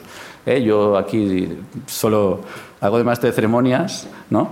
Yo les he dicho en broma, pero va en serio, eh, cuando yo sea mayor quiero ser como los nueve invitados que hay aquí juntos, si puede ser, ¿no? Porque realmente hacen las cosas que a mí me gustaría hacer en según qué, qué momentos, ¿vale? Eh, así que espero que disfrutéis mucho. La broma, ¿no? Que empiece la partida, ¿no? Sería la... la manera de empezar este, estas jornadas y vamos a empezar con la primera mesa, ¿no? Ya sabéis que hay tres mesas redondas, en la cual en, una en la primera vamos a hablar de eh, investigación académica y, juegos, en la segunda hablaremos más sobre los usos sociales de los juegos, quién juega, a qué se juega y por qué, ¿no? Y en la tercera hablarán los comunicadores, quién comunica sobre juegos en diferentes formatos, ¿vale? Yo he estado, bueno, me toca así además de la presentación general presentarlos a ellos. Hacer una presentación individual, ¿no? Bueno, tenemos a Oliver, ¿no? a Antonia y a Víctor. Yo creo que es mejor presentarlos en conjunto, porque los he visto llegar y lo primero que han hecho es abrazarse. Y he pensado, madre mía, somos pocos y además mmm, nos conocemos todos, ¿no? Creo que es, es, son las tres personas que aquí en estos momentos en España están trabajando más por la investigación en, en videojuegos y con algunas aproximaciones a la, investigación en las relaciones entre videojuegos y juegos de y nos van a, explicar cómo funciona esto que ellos están haciendo desde el mundo de la academia.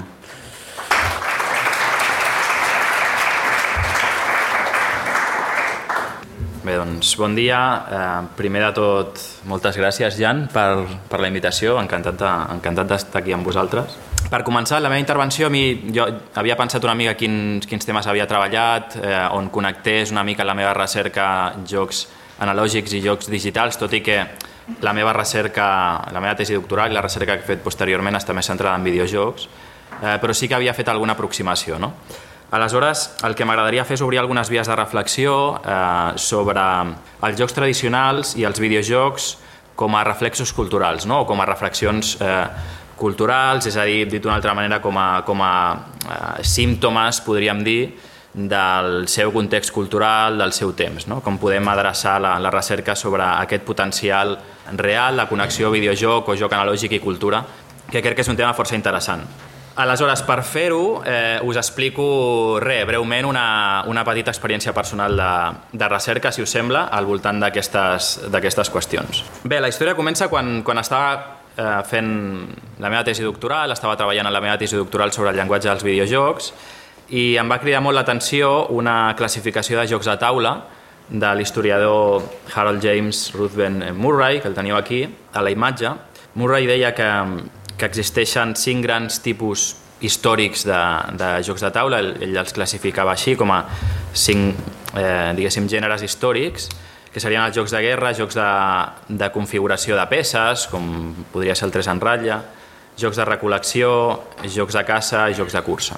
Però més enllà d'això, eh, a mi sobretot el que em va semblar més interessant era el fet que aquests eh, grans models històrics de, de joc doncs, tenen a veure, metafòricament, eh, amb activitats que són crucials eh, pel desenvolupament de la humanitat. No? La guerra, la construcció d'edificis o la construcció o muntatge d'eines, eh, el conreu i la collita, la caça, la fugida... I aleshores doncs, aquesta idea em va semblar força intrigant, prou intrigant com per dedicar-li una, una petita recerca post-tesi doctoral, tot i que estava esgotat ja com us imagineu de fer recerca sobre els temes aquests, doncs em vaig animar a fer una petita, una petita anàlisi partint d'aquesta història que m'havia despertat la curiositat i que vaig acabar publicant en un article el que veieu aquí el títol a, a la revista Comunicar. Aleshores, el que em preguntava era si els canvis a, al llarg del temps en la nostra forma d'entendre la guerra, la construcció, la recol·lecció, aquests temes centrals a la història del joc, es reflecteixen d'alguna manera en, eh, en contrastos entre jocs tradicionals centrats en, aquest, en aquests temes i videojocs populars, no? més, més recents.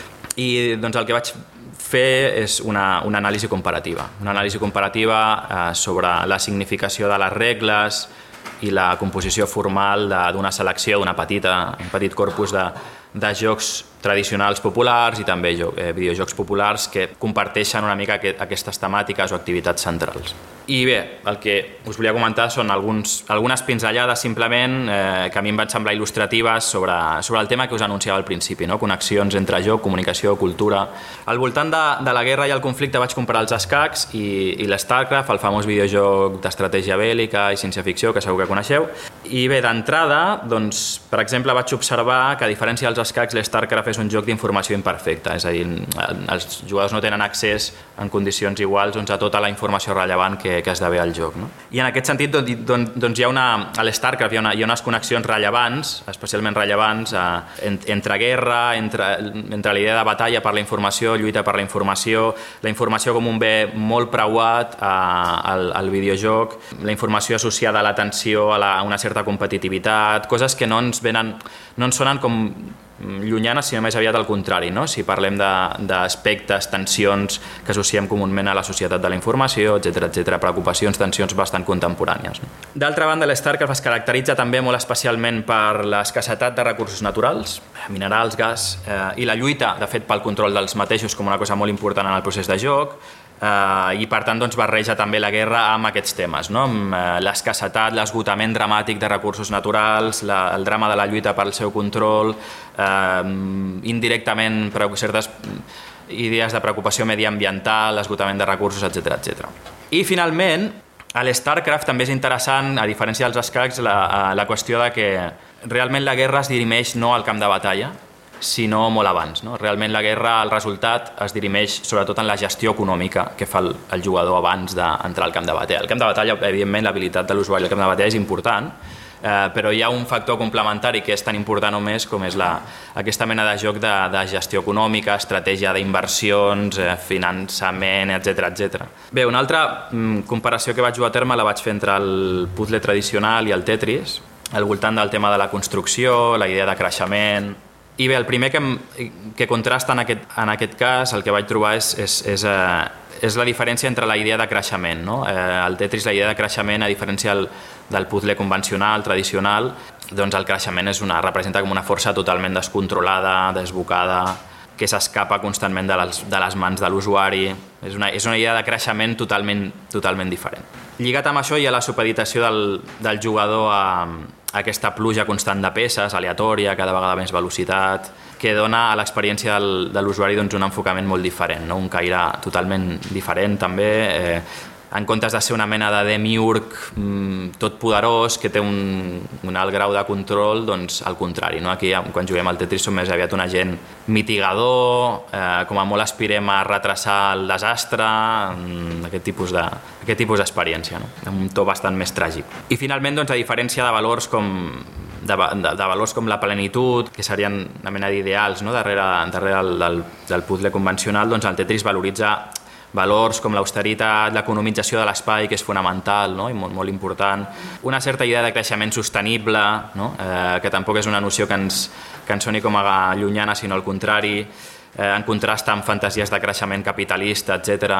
Són ressonàncies possibles en, en, en relació amb el, amb el nostre context socio, eh, sociocultural que, que de vegades se'ns poden passar per alt de, dels videojocs i jo crec que són interessants. Tot i que comporten riscos, òbviament. Eh? Això de la mm, eh, sobreinterpretació, que, que és un fantasma que sobrevola això, és un risc, però en tot cas jo sempre li dic als meus alumnes, prefereixo que us passeu a que us quedeu curts, no? eh? Eh, perquè si no caurem en, en l'error jo crec que no ens convé permetre'ns de, de considerar que els jocs són simplement passatemps, que poden tenir aquesta funció, no m'hi no poso, però que òbviament tenen més capes no? que, podem, que podem investigar i, i sobre les que podem reflexionar. I per últim, el Mancala, el joc tradicional africà i el catamarí de Mazi, el Mancala com a dramatització de la, del conreu i la collita agrícoles i el, i el catamarí de Mazi, que és un joc molt particular, molt, molt especial, eh, que jo de vegades el defineixo com una mena de simulador d'un escarabajo pelotero, perquè bueno, els que el coneixeu doncs sabeu que és, controles una bola que va enganxar tots els objectes que, que va tocant al voltant i es va fent més gran, etc. Doncs bé, aquí de nou contrastos significatius, interessants, que obren eh, qüestions sobre les que reflexionar, no? sobre un mateix tema però diverses aproximacions, discursos, ressonàncies eh, totalment diferents. No? Tot i aquest tema que pivota i que és comú eh, de, de la recol·lecció com a, com a centre. No?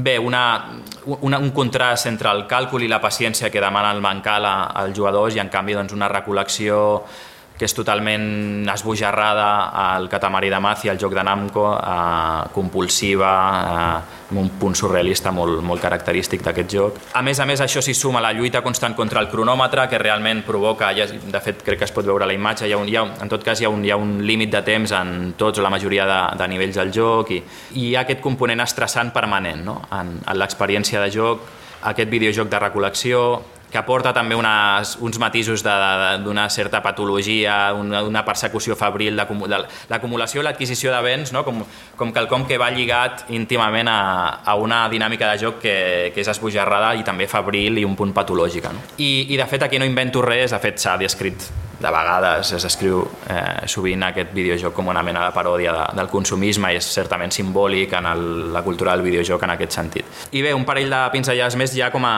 com a conclusions, eh, per anar tancant i per de, deixar potser algunes preguntes obertes sobre les que podem parlar després si voleu. Primera conclusió, doncs, a la meva, en el meu petit exercici d'anàlisi, tot i que òbviament el corpus era molt limitat, etc etc, i que no, no vaig arribar ni molt menys a conclusions concloents, val? valgui la, redundància o la contradicció. En tot cas, jo crec que sí vaig comprovar raonablement que sí que aquesta, aquesta aproximació a la recerca eh, consideren el joc analògic i també el videojoc com a objectes d'estudi que són significatius en tant que això, reflexos, reflexions de la nostra cultura, eh, que tenen vincles interessants a investigar sobre, eh, amb, amb el context cultural i el temps del que formen part. No? Eh, doncs vaig comprovar que efectivament dona joc, que és interessant eh, i que fins i tot pot ser un camp de recerca fascinant, de fet. D'altra banda, per acabar, doncs també vaig poder comprovar l'interès i, i la utilitat eh, sobretot de, de combinar jocs analògics, eh, jocs tradicionals i videojocs, eh, però no només com a objectes d'estudi, que també, eh, sinó també com a, eh, com a dues tradicions, escoles de recerca diferents, que ens aporten mirades, mètodes, temes d'interès, debats teòrics que són diferents, però que alhora poden dialogar molt bé entre si no? i poden enriquir molt eh, el treball dels que estem ficats en aquest jardí tan interessant i complex alhora, que és el, són els Game Studies. I, I aquí tenim dues fonts fantàstiques no? de les que aprendre. Eh, de vegades els que estem més ficats en videojocs ens oblidem una mica de, de les escoles i tradicions teòriques de, dels estudis, sobretot amb aquella arrel antropològica tan interessant no? del, joc, del joc analògic. Eh, I en aquest cas, modestament, amb aquesta petita aproximació, jo vaig una mica tocar eh, o vaig, vaig provar, vaig comprovar aquesta utilitat. No? Eh, em vaig inspirar, de fet, l'objectiu, eh, la mirada que vaig adoptar bàsicament en aquella recerca tenia molt a veure amb estudis tradicionals de joc analògic, amb aquesta visió antropològica que tant s'ha aplicat històricament als jocs analògics. La idea del joc com a reflex cultural, etc forma molt, molt part d'aquesta tradició, però ara ho vaig combinar també amb coses que havia après estudiant a Game Scholars dels videojocs, no? Gonzalo Frasca, Jan Bogost, sobretot vaig agafar, vaig veure de la retòrica procedural, d'una teoria doncs, que, que postula eh, l'anàlisi una anàlisi allò microestructural, quasi de vegades una mica obsessiva, ho reconec, eh, eh, de la, del disseny dels videojocs i explorar les possibles significacions que pot tenir qualsevol element petit, eh, microscòpic del disseny, no? entenent el, el disseny del videojoc com un llenguatge, el videojoc com a discurs, eh, sovint també, tot i que no necessàriament l'autor del videojoc com un, com un autor, no? emissor d'un missatge. Bé, vaig fer aquesta combinació i probablement per tancar, si, si m'hagués de quedar amb una cosa d'aquella experiència, seria això, no? aquest aprenentatge, de l'interès que té i la utilitat que pot tenir pels que estem als Game Studies eh, explorar aquestes dues tradicions de recerca, els estudis de joc analògic i, i els estudis de, de videojoc. Sí, pot passar. Jo soc d'aquí, de, de, de Catalunya. Faré l'exposició en castellà, d'acord? Per, si, per si algú a la sala que, que vingui de fora de Catalunya. Uh, bueno, en primer lugar, muchas gracias a, a Jean Gonzalo, a toda la organización, por esta invitación. Yo creo que es un evento extraño en el contexto universitario español. Y eso creo que es importante decirlo. Es decir, esto no es Estados Unidos, esto no es los países nórdicos. La universidad española tiene sus dificultades internas, estructurales, sociales, etc., para asimilar ciertas novedades culturales, sobre todo en la, batalla de lo cultural, y por lo tanto todo lo que tiene que ver con juego, eh, vamos, yo me alegro mucho de ver que la universidad, y en particular la Rovira y Virgili, lo abraza ¿no? abiertamente, y es, es, una, es una novedad en el panorama, una, triste novedad, si queremos llamarlo así, por, por lo que supone por diferencia en relación a otras a otros estudios, otros países, pero bueno, es, es, es muy positivo, ¿no? Eh, yo os vengo a hablar básicamente de una idea central que es el juego de mesa, el juego de mesa en el ámbito de la investigación, por un lado, y el juego de mesa en relación al videojuego, por otro. Eh, esto que tenéis aquí en pantalla es una síntesis muy, muy, muy, muy, muy sintética de qué entendemos por los game studies de la perspectiva del videojuego, que ahora hablaré de esta especie de, de reducción al absurdo que hemos hecho con el concepto de game studies, que me parece profundamente despectivo como una tendencia del videojuego también siendo profundamente despectiva con un campo cultural. Eh, aquí básicamente lo que tenéis es pues desde autores relevantes en ciertos campos, ciertas teorías y objetos de estudio. En mi caso particular, y creo que mis compañeros irán un poco a la zaga, estamos más en la línea del campo de um, Digital Humanities, History, Literary Studies, vamos, por ahí arriba y luego el apartado de la comunicación. ¿no? Como veis, el videojuego eh, como, como objeto de estudio ha tenido un tránsito interesante y ha conseguido parcelarse, no sin sus polémicas, ahí está la narratología, ludología, que tuvo su polémica hace unos años, eh, no sin sus tensiones propias de, un, de, una perspectiva ontológica de un nuevo medio. Ahora hablamos del videojuego, pero el cine también tuvo su debate ontológico. Todos los medios han tenido un debate ontológico, primero para preguntarse qué somos y en segundo lugar para preguntarse qué, qué papel ocupamos en lo social, ¿no? que sería la legitimación del medio, que a lo mejor es donde está ahora el videojuego. ¿no? Cada dos por tres veis, el videojuego es arte, el videojuego hace que tú salgas a la calle con una katana y mates a tus padres, el videojuego hace que no, siempre estamos con esta, este tema ¿no? de la legitimación del medio. Bien, pues desde un punto de vista académico, el videojuego ya tiene un sustrato importante en cuanto a categorías formales de análisis, en cuanto a autores y en cuanto a, no sé si escuelas, pero al menos sí teorías, que es un poco lo que apuntaba Oliver en su, en su anterior ponencia.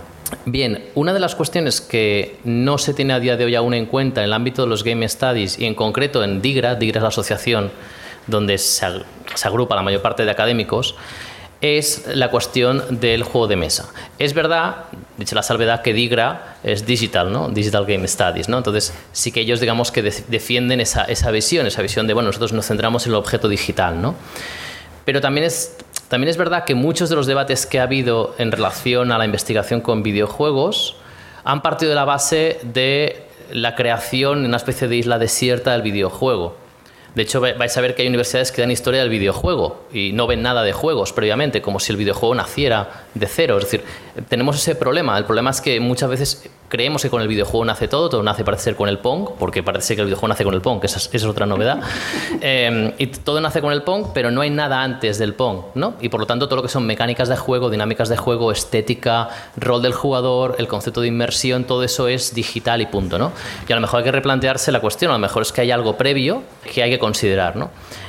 Bueno, en este contexto, yo os quería sintetizar muy brevemente una, investigación que llevo tres años haciendo, que ya presenté unos resultados preliminares en el Festival DAO, que posteriormente veréis en otra mesa el Festival DAO, que trataba de coger a un conjunto de alumnos eh, que yo tenía en Madrid, yo estaba en la Carlos III, luego en UTAD y ahora ya estoy aquí en, en Tecnocampus, pero tanto en la Carlos III como en UTAD yo tuve alumnos, tuve la suerte de llevar grupos de alumnos que hacían una carrera para ser diseñadores de videojuegos.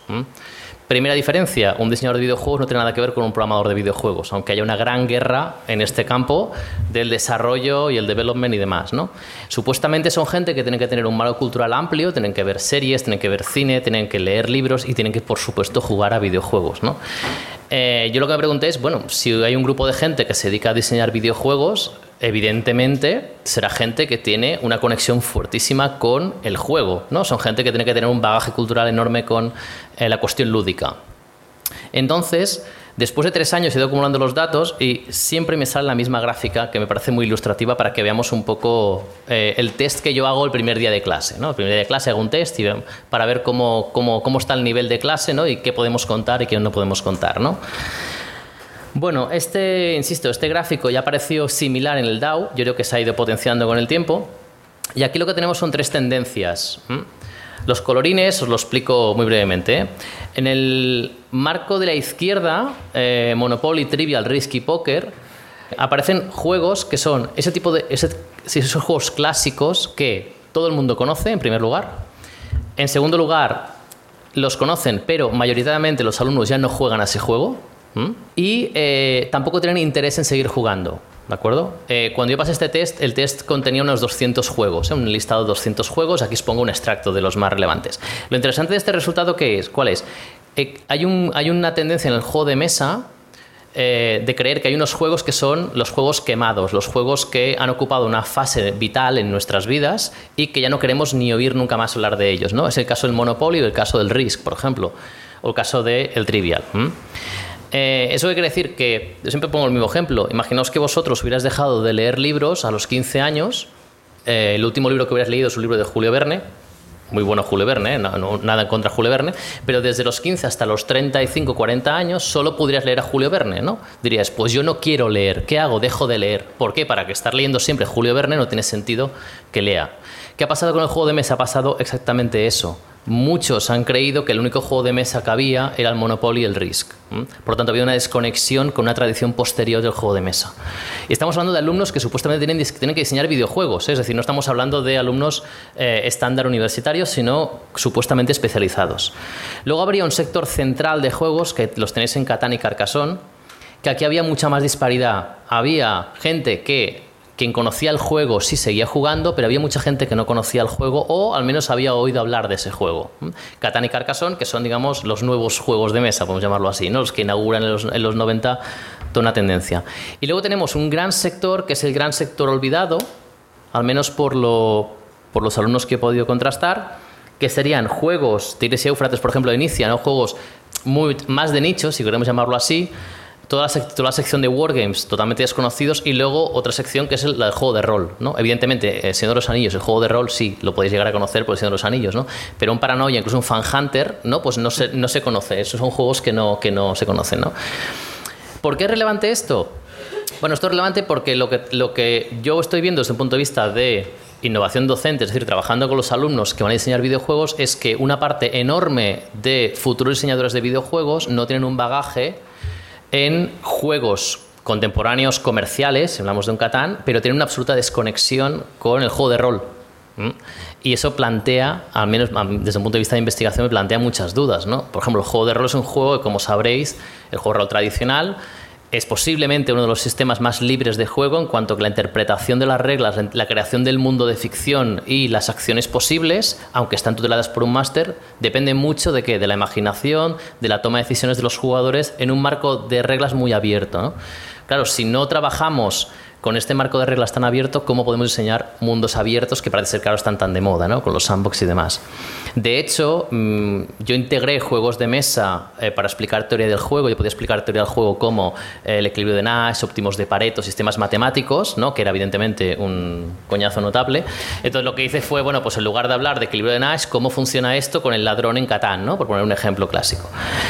Eh, todos los juegos funcionaban muy bien, pero ¿dónde había resistencias con los juegos de rol? Los alumnos estaban tan preconfigurados mentalmente en cuanto a que el, videojuego tiene un sistema de reglas que hay que seguir, ¿no? Cerrado, que cuando tú les decías, venga, pues ya, ahora, ¿qué vas a hacer? ¿no? Abiertamente, sin ninguna constricción. Ahí es donde empezaban a surgir los problemas, ¿no? Para acabar con mi exposición, solo que dejaros un poco eh, entrever algunas cuestiones comparativas entre el videojuego y el juego de mesa que desde un punto de vista de la academia son relevantes. En primer lugar, hay una gran frase que yo creo que hay que denostar de una vez por todas, que es, el videojuego y el juego de mesa, evidentemente, pertenecen a la misma familia, pero son cosas distintas. Yo he oído mucha gente decir, no, son lo mismo. La televisión y el cine pertenecen al mundo del audiovisual y no son lo mismo. Tienen parámetros de realización, producción, estética, tienen muchas cosas distintas. Si igualamos todo, al final no percibimos la particularidad y las ventajas que un medio puede aportar a otro. Aquí hay una tabla comparativa mm, muy sintética, de bueno, cinco parámetros que a mí me parecen interesantes como ideas de investigación futura y que a día de hoy no se han investigado desde un punto de vista académico en tesis doctorales ni en investigaciones de recorrido. Hay gente que ha hecho cositas, pero no hay demasiada tradición. Justamente por lo que os decía antes, los game studies están muy focalizados en el videojuego, pero la tradición de board game studies o de ah, estudios más analógicos sigue sufriendo de una ausencia notable en el mundo académico. ¿no? Una de ellas es la cuestión de la socialización eh, aquí hay la gran pelea de si el videojuego es social o no, si el juego online es un juego social, ¿no? Aquí habría la doble idea de el videojuego social, sí, es social en cierto sentido, ¿no? Hay una interacción mediada, es decir, hay un ordenador por en medio, salvo si recurrimos a la idea famosa clásica de los salones recreativos en los que ¿no? la gente iba a jugar y la socialización era mucho más directa o el juego eh, digamos, en, en, la consola en dos, tres, cuatro jugadores, ¿no? Versus una especie de interacción mucho más directa del juego de mesa. Y os puedo decir que en mi clase he tenido a gente con uh, dificultades cognitivas, es decir, gente, por ejemplo, con autismo, gente con ciertos grados de ese tipo de dificultades, que eran gente que no se integraban en clase en ningún caso y de hecho se refugiaban curiosamente en el videojuego, es decir, que aquí, digamos, podemos jugar sin llegar al punto de jugar con el estereotipo, pero sí que había algo de eso, ¿no? Que cuando tú les ponías a jugar a un Battlestar Galactica en el que había roles ocultos y había un traidor, esa, gente, esa persona que no hablaba con nadie de repente despertaba y de repente se relacionaba con la gente, ¿no? Es decir, aquí hay un campo de investigación muy interesante que es hasta qué punto la relación de interacción directa clásica de toda la vida en una mesa tiene un potencial comparativo con la del videojuego, si el videojuego tiene otra, otro potencial que lo tiene y cómo se manifiesta. ¿no? Otra cuestión importante, la inmersión. El videojuego muestra un imaginario, el juego de mesa y sobre todo, por eso os remitía, el juego de rol genera imaginación. Y eso también es una cuestión importante. Cuando nosotros, eh, se me pongo el mismo ejemplo, si vosotros leéis El Señor de los Anillos, vosotros imagináis a Gandalf a partir de un texto. Cada uno tiene su Gandalf en la cabeza. Si vosotros jugáis al videojuego del Señor de los Anillos, ese es Gandalf. Si ves la película del Señor de los Anillos, es Ian McKinnon es Gandalf. Una cosa es evocar un imaginario y otra cosa es potenciar la imaginación. ¿Por qué defiendo a en el sentido del juego de rol eh, entre vosotros, porque la única manera de crear imaginarios es potenciar la imaginación. No se puede escribir bien si no se lee, no se puede eh, imaginar mundos si no se tiene imaginación y no se cultiva. Por lo tanto, ahí es otro, otro apartado importante, ver cómo la potenciación de la, de la, imaginación tiene un impacto en los imaginarios. La ludoficción, ¿qué es la ludoficción? Bueno, estos mundos lúdicos, ¿no? Estos mundos lúdicos que nosotros tendemos a, crear a través del juego. Aquí nuevamente hay otros dos campos que también son muy interesantes a investigar a nivel comparativo, que es cómo el videojuego a través de cada vez más, ¿no? Una especie de mundo estético, los videojuegos son cada vez más espectaculares, ¿no? Cómo cada vez a través de un mundo más estético eh, nos separan la ficción y lo que vemos en pantalla de aquello que está pasando detrás de la pantalla. ¿no? Una cosa muy buena de los juegos de mesa y, de- y del juego de rol es algo tan sencillo como el dado. Mucha gente no se da cuenta de cuando jugáis a un Diablo o un juego similar, ¿no? Y aparece en pantalla crítico. Bueno, crítico es un lanzamiento de dados. Y eso se concreta en una mecánica física y una, una mecánica evidente y básica, ¿no? Lo que puede que esté pasando, y eso es al menos un diagnóstico que tengo, es parece ser que estamos viendo mucho audiovisual en el videojuego, pero muy poco juego en el videojuego. ¿m? Es decir, nos estamos centrando mucho ¿eh? en el videojuego es muy bonito, mira qué gráficos, mira qué grandes mundos contemplativos que tienen su valor, ¿eh? tienen su valor ficcional. Ahí tenéis Journey, por poner un ejemplo claro, pero parece que no acabamos de potenciar la, cuestión de la mecánica subtextual, la mecánica que, subyace a todo ese mundo de- de ficción. Finalmente, las dos últimas, la fisicidad. No despreciemos el mundo físico y no despreciemos el mundo físico en particular cuando el juego de mesa siempre ha apostado por ese juego físico de tirar cartas, ¿no? Muchos juegos que consisten en tirar cartas rápidos, por ejemplo, ¿no? Cómo todo eso se potencia. Bueno, ¿y qué está haciendo el videojuego? Intentemos, vamos otra vez a los Guitar Hero con las guitarras, ¿no? Volver a lo físico. Intentamos integrar el coleccionismo de muñequitos, ¿no? Los Amibus, eh, Disney Infinity, es decir, hay una dimensión del videojuego física que está volviendo y ya no hablemos de la realidad virtual, la realidad aumentada, que tiene una relación con lo físico, ¿no? Por lo tanto, hay un campo muy interesante más allá de lo tecnológico, que es cómo podemos relacionarnos desde el videojuego a esa raíz antropológica del trato físico y, lo tangible. Y finalmente otro que escapa a lo mejor de la comunicación, pero que es muy importante, y de hecho hablábamos antes sobre este tema, que son los, parámetros de producción. Aquí hay una comparativa muy interesante que es eh, España o Europa con su industria del videojuego, con sus ayudas, es una industria cultural, tiene ayudas como tal, el concepto de AAA, ¿qué es un indie? ¿Mm? Hay, varios artículos sobre qué es un indie en el videojuego, pero realmente requiere una, investigación mucho más profunda y si un, indie, si un indie recibe ayudas de Sony es indie, si un indie recibe ayudas del Estado es indie, o indie es solo aquel que no, vamos, que está en su garaje, ¿no? el, famoso, famoso mito, haciendo sus juegos. Y en relación al juego de mesa, como el juego de mesa es un medio emergente, pero que tiene presupuestos mucho más pequeños, tiene una, una cuestión mucho más artesanal y tiene, a diferencia del videojuego, una reivindicación mucho más fuerte de la autoría. En videojuegos empezamos a ver esa teoría de autor que en cine hemos visto y que conoceréis sobradamente, pero vamos, quitando eh, Hideo Kojima, quitando Peter Molinex y tres más, si preguntáis a los game designers de videojuegos grandes, vais a ver que a lo mejor hay juegos como un Dragon Age que tiene 200 diseñadores. ¿Quién es el autor de Dragon Age? ¿no? En cambio, el juego de mesa sí tiene una autoría. Puede que sea porque es una, porque es una obra más pequeña y, hay menos gente, puede ser, ¿no? Pero hay un estudio muy interesante sobre qué entendemos por autor en un videojuego y si el videojuego realmente como bien apuntabais antes, eh, evoca un conjunto de significados y si tradicionalmente desde su punto de vista estructuralista también hemos hablado siempre del papel del autor y desde el postestructuralismo lo hemos matado, bueno, si hay autor y queremos matarlo, ¿quién es el autor en un videojuego y por qué queremos matarlo? ¿no? Ahí vendría un poco también esa parte más lógica de, de la creación. Bueno, pues esas son un poco las ideas que yo os quería plantear sobre esa intersección que hay entre videojuegos y juegos de mesa y que, bueno, si el día de mañana alguno está interesado en hacer tesis doctorales o investigaciones, que sepáis que aquí hay muchísimo campo que recorrer, un campo yo creo muy, muy bonito, apasionante, hasta cierto punto, también os digo, yo ahora veremos qué dicen ellos, que cuando coges un videojuego para analizar la tesis doctoral, pasas a convertirte de un videojugador a un cirujano que está ahí analizando, ¿no? Por no llamarlo un forense, eh, pero que es, un sector muy bonito que aquel que, esté interesado, pues le animo fervientemente a que siga alguna de estas líneas. Y muchas gracias.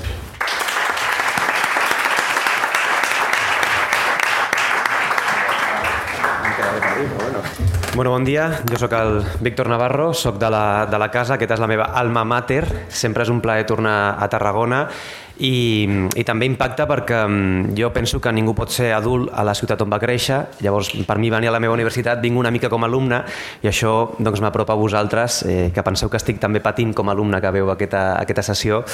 I bueno, com deia el Jan, primer de tot gràcies al, al Jan per organitzar, que ha fet una feina molt complicada. Com deia el Jan, eh, el món dels Game Studies en aquest país, en aquest entorn, són poca gent i bienvenidos, que diria la meva àvia, ens entenem molt bé, perquè és un món molt passional. eh, ja esteu veient que és, una, és un tipus de recerca que s'ha d'autolegitimar, s'ha d'autodefensar i eh, cada vegada que ens trobem tenim aquesta ebullició de passió que crec que és una cosa molt, molt bona i que aquesta jornada és una bona, una bona mostra. Eh, faré la meva presentació en castellà també per la gent de l'streaming i si algú de fora puc respondre en l'idioma que sigui i el japonès l'estic practicant una mica de fa 3 anys i em surt bastant malament, si algú s'anima. Ya los compañeros han, han, dado una, creo que una aproximación bastante completa a cuáles son las, eh, digamos, los retos y las dificultades y las, los placeres, ¿no? las recompensas de, de los Game Studies. Yo quiero hablaros de una inquietud que, una inquietud que tengo yo, que es em, la idea de lo invisible, la idea de que en el videojuego se invisibilizan muchas cosas en el proceso, en el diálogo, que en el juego de mesa, cuando ya me planteaba, vamos a hacer una sesión de juegos de mesas y, y videojuegos, nos hizo varias preguntas y me hizo reflexionar sobre una idea que siempre está sobrevolando lo que yo investigo y cómo argumento yo sobre los videojuegos. Por afinidades con el budismo, por intereses y contactos con gente que investiga el psicoanálisis lacaniano, estas cosas tan complicadas, me fascina, por ejemplo, la cita aquella de Herman Melville de que todo está en la esfera de lo invisible, en las esferas invisibles.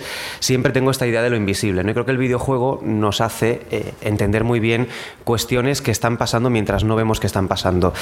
También me gusta empezar cuando hablo de videojuegos con una anécdota que Antón vivió hace poco en un congreso en Madrid organizado por una universidad de estas que están en contacto con la industria, que eso tiene muchas virtudes, pero hace que a veces se le dé más eh, voz a la, industria que a la academia y a la, a la industria le interesa pues cosas que dan dinero a la academia, por desgracia, lo que da dinero nos queda bastante lejos.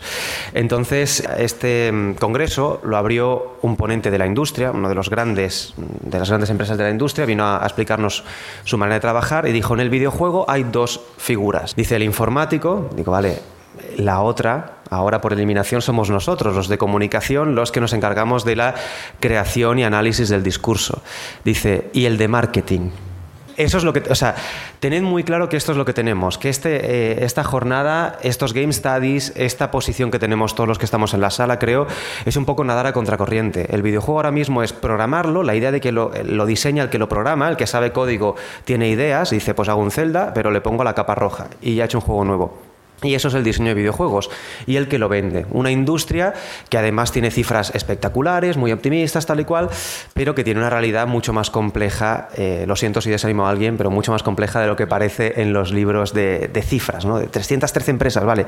¿Cuáles tienen más de 5 años de vida? Y todo esto sin dejar de lado a la industria porque vivimos analizando lo que hace la industria, pero somos un aliado externo que tiene que entender muy bien eh, dónde están los márgenes del camino. ¿no? Caminamos entre el cielo y el infierno, pues vamos a estar por lo menos por el medio. Entonces, ya digo, una, una de las cuestiones que a mí me interesan y que tiene mucho que ver con la comunicación es lo que está pasando de fondo en el videojuego, lo que yo aquí he llamado eh, el Game Master invisible. Mm, yo entro a analizar el videojuego cuando hago la tesis doctoral, insisto, los que estáis aquí de la URB podéis hacer tesis doctorales en videojuegos aquí, yo soy la muestra, y, y os van a escuchar y os van a permitir locuras, y empiezo a hablar de la libertad. Y poco a poco voy, voy yendo a esta idea de que en el videojuego hay alguien, me encanta este aviso que sale al principio de Silent Hill Shattered Memories, uno de mis juegos favoritos de, de la saga, de una de mis sagas favoritas, que dice, This game plays you as much as you played. Ojo la advertencia y la promesa que nos están dando. Este juego juega contigo tanto como tú juegas con él. Hay algo invisible, hay una agencia, hay algo que piensa, muy Lovecraftiano, que está jugando contigo tanto como tú juegas con él. Esto no lo hace un programador. Esto no lo hace un tío de marketing, esto lo hace alguien que entiende que la comunicación es, en aquel modelo de Laswell que todos no sabemos, discurso con transmisión, emisor, receptor, efectos, canal, todo esto. Yo descubro las cartas sobre la mesa, yo fui rollmaster de Fan Hunter y fui jugador muy activo de la llamada de Tulu, entonces lo voy a abordar más desde el juego de rol que desde el juego de, de tablero. Eh, me gusta esta promesa, me gusta la idea de que en el videojuego hay algo, hay alguien que está, eh, que está jugando con nosotros, hay algo invisible que nos está manipulando que nos está conduciendo y que está tomando decisiones, porque además esto, aparte de encauzarlo en la comunicación, me lleva a otra idea que últimamente estoy siendo muy pesado con ella, siempre que puedo la dejo caer, que es que tenemos que descartar la idea de que el videojuego es una fantasía de poder como las reglas se esconden y nos dan muchas habilidades, decimos, no, esto es una cosa infantil, llevamos un guerrero, una espada, matamos cosas. El videojuego funciona también como fantasía de poder como como fantasía de impotencia, de powerlessness, de faltarnos poder. De encontrar límites, de enfrentarnos a límites y a frustraciones y a, eh, a, a, murallas, a muros invisibles de una manera no literal, aunque también los hay literales, que eh, no son gratos porque son catárticos. Cuando en el, en el, videojuego nos frustramos porque no podemos resolver algo, es un entorno controlado, eh, que ya dice la sociología y la teoría del juego antes del videojuego. El, el juego es inofensivo, entonces encontrar el powerlessness, la impotencia, es una herramienta poética retórica de primer nivel. No es un accidente, no es un error de diseño. Es una herramienta, como nos promete Silent Hill, que tiene discurso. ¿Vale? Entonces, eh, me da vergüenza hablar de mundos de ficción porque tenemos a Antón, que es la autoridad de mundos de ficción, tenemos a Oliver, que es la autoridad en eh, análisis de la creación de significado en videojuegos, pero os quiero hacer esta reflexión sobre qué pasa cuando vemos un mundo tan complejo como los de Zelda, vemos un mar, una isla, el viento que funciona solo, la navegación, todo es complejísimo, todo está vivo, todo es rico, y vemos un mundo de ficción que parece habitable.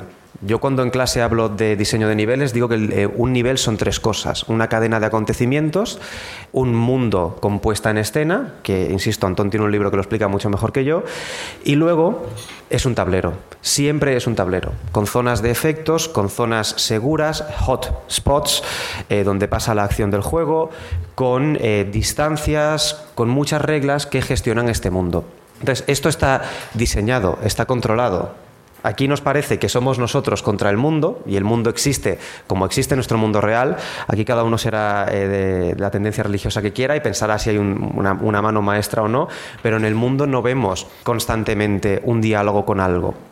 Podemos ser panteístas, budistas, eh, cristianos y podemos creer que hay alguien que lo ha hecho, que hay una, una, ánima que lo habita, pero no vemos alguien me está diciendo algo porque la cámara está puesta ahí.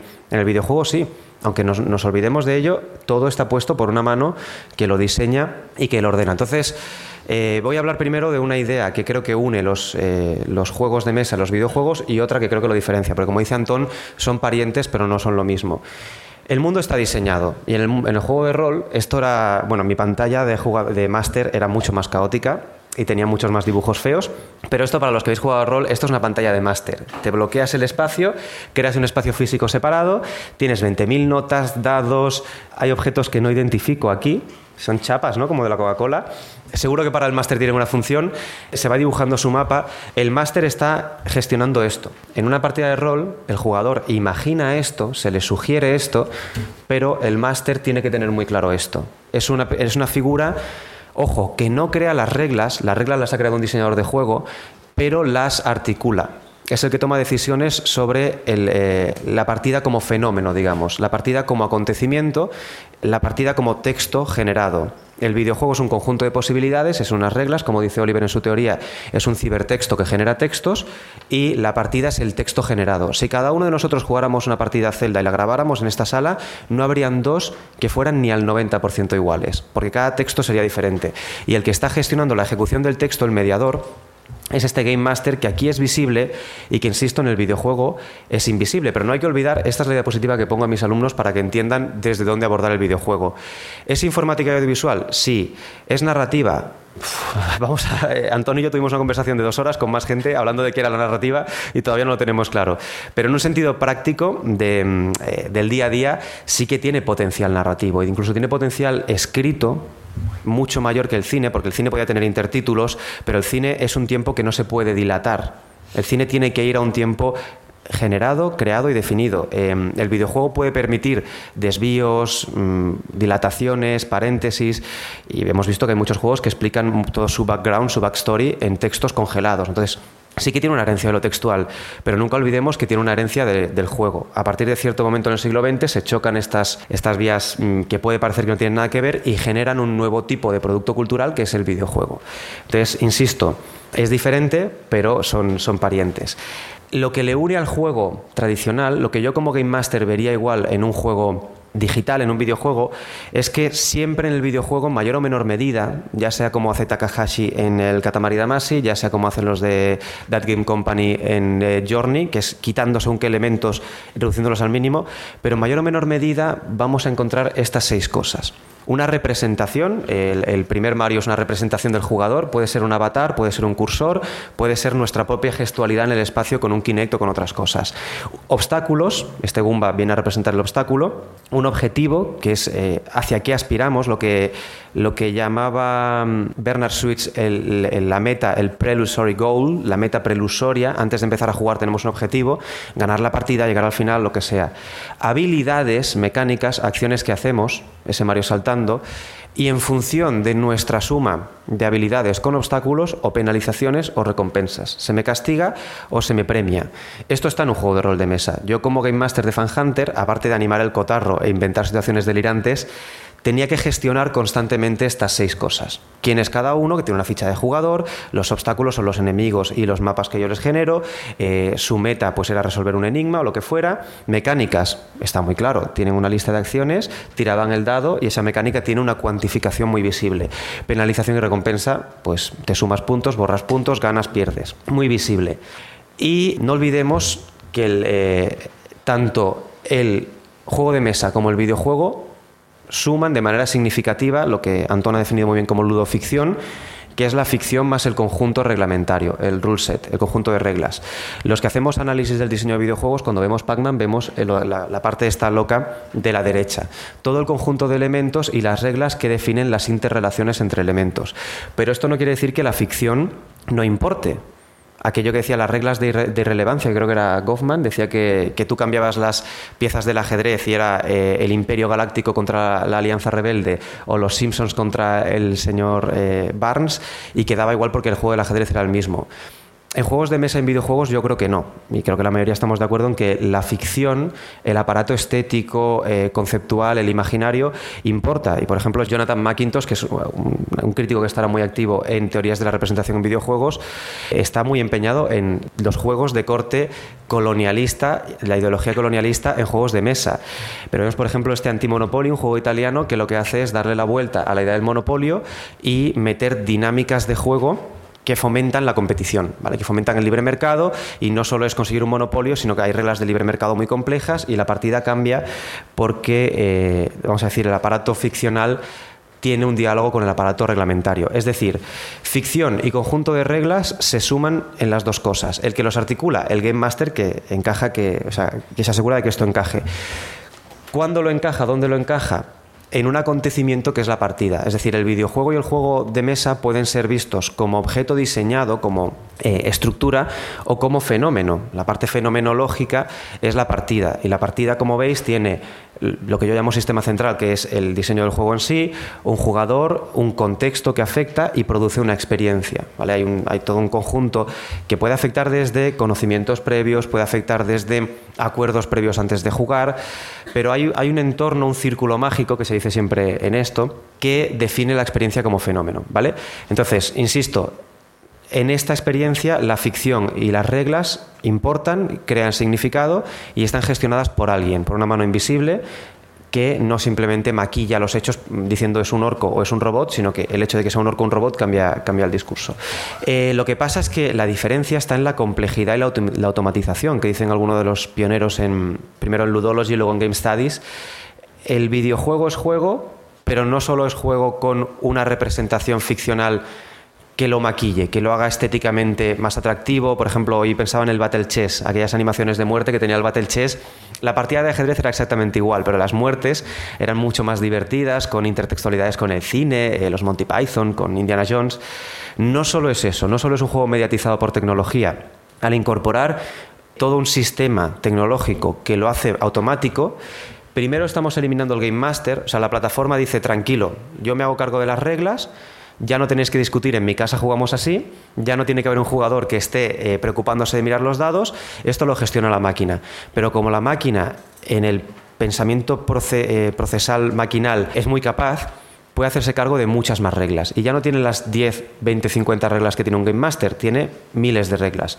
El viento, las físicas, las velocidades de los objetos, el paso del tiempo, la manipulación del tiempo y automatiza y complejiza el conjunto de reglas hasta tal punto de que cuando vemos un mundo de un videojuego, vemos una partida de un videojuego, nos cuesta reconocer las reglas que subyacen a ese discurso. Lo que decía Antón, sus alumnos no veían el aparato reglamentario, veían solo la parte estética, porque está tan automatizada que eh, ya no se ve. Pero esto no quiere decir que no exista, quiere decir que hay tantas reglas que sentimos que no hay reglas. Entonces, claro, em, se hace mucho más complejo, se hace mucho más invisible, pero sigue habiendo la idea del juego como diálogo. En un juego de, rol de papel y lápiz estamos dialogando con el Game Master y el Game Master hace un poco de proxy del diseñador del juego, porque él dice yo soy la autoridad sobre las reglas que son reglas recibidas.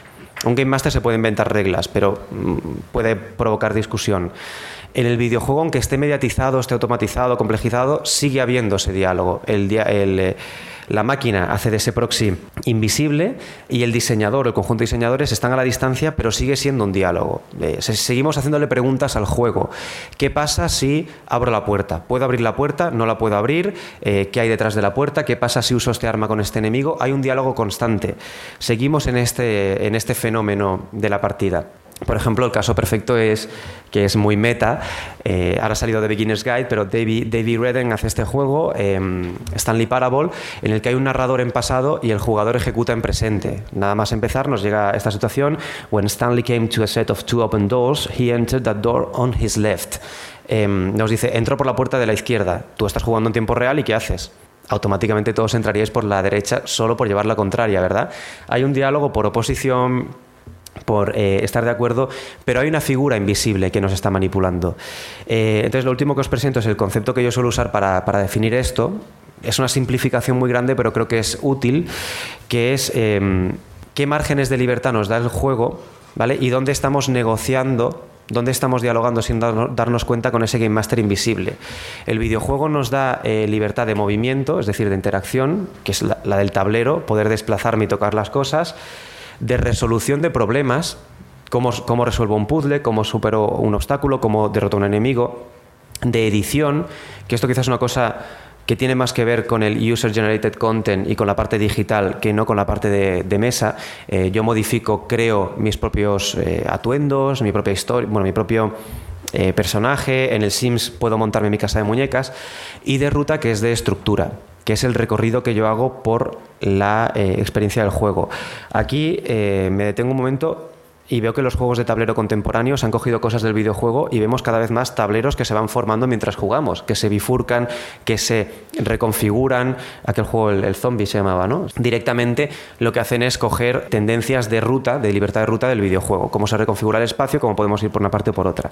Y dentro de estos márgenes de libertad, dentro de estos tipos de libertad, el diálogo con esa figura invisible, insisto, que, que luego si queréis desarrollaremos más, se gestiona por lo que es posible, lo que es imposible, lo que es obligatorio y lo que está penalizado. El Game Master nos lo puede decir. Le decimos, quiero ir por ahí y te dice, no puedes porque hay una roca que te impide el paso. ¿Cómo lo hace el videojuego? Lo esconde con la ficción, con la ludoficción, te pone una roca que te esconde el paso o te pone un muro invisible contra el que caminamos y hacemos así. ¿Vale? Pero siempre hay alguien, siempre hay una voz, una agencia que te está diciendo, esto puedes hacerlo. Esto no puedes hacerlo. Esto puedes hacerlo y es obligatorio para progresar. Esto puedes hacerlo, pero hay de ti. Puedo abrir la puerta, pero fuera hay monstruos, la abro, sale una zarpa, me corta el cuello, game over.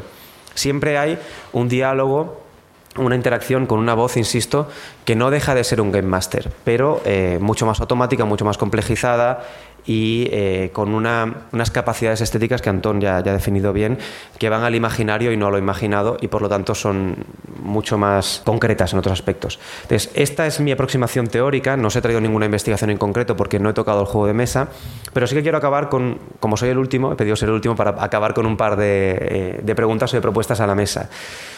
Vemos que hay géneros, por ejemplo, ahora están los juegos de cartas digitales están de moda. El Hearthstone está, tiene torneos y está eh, muy al alza.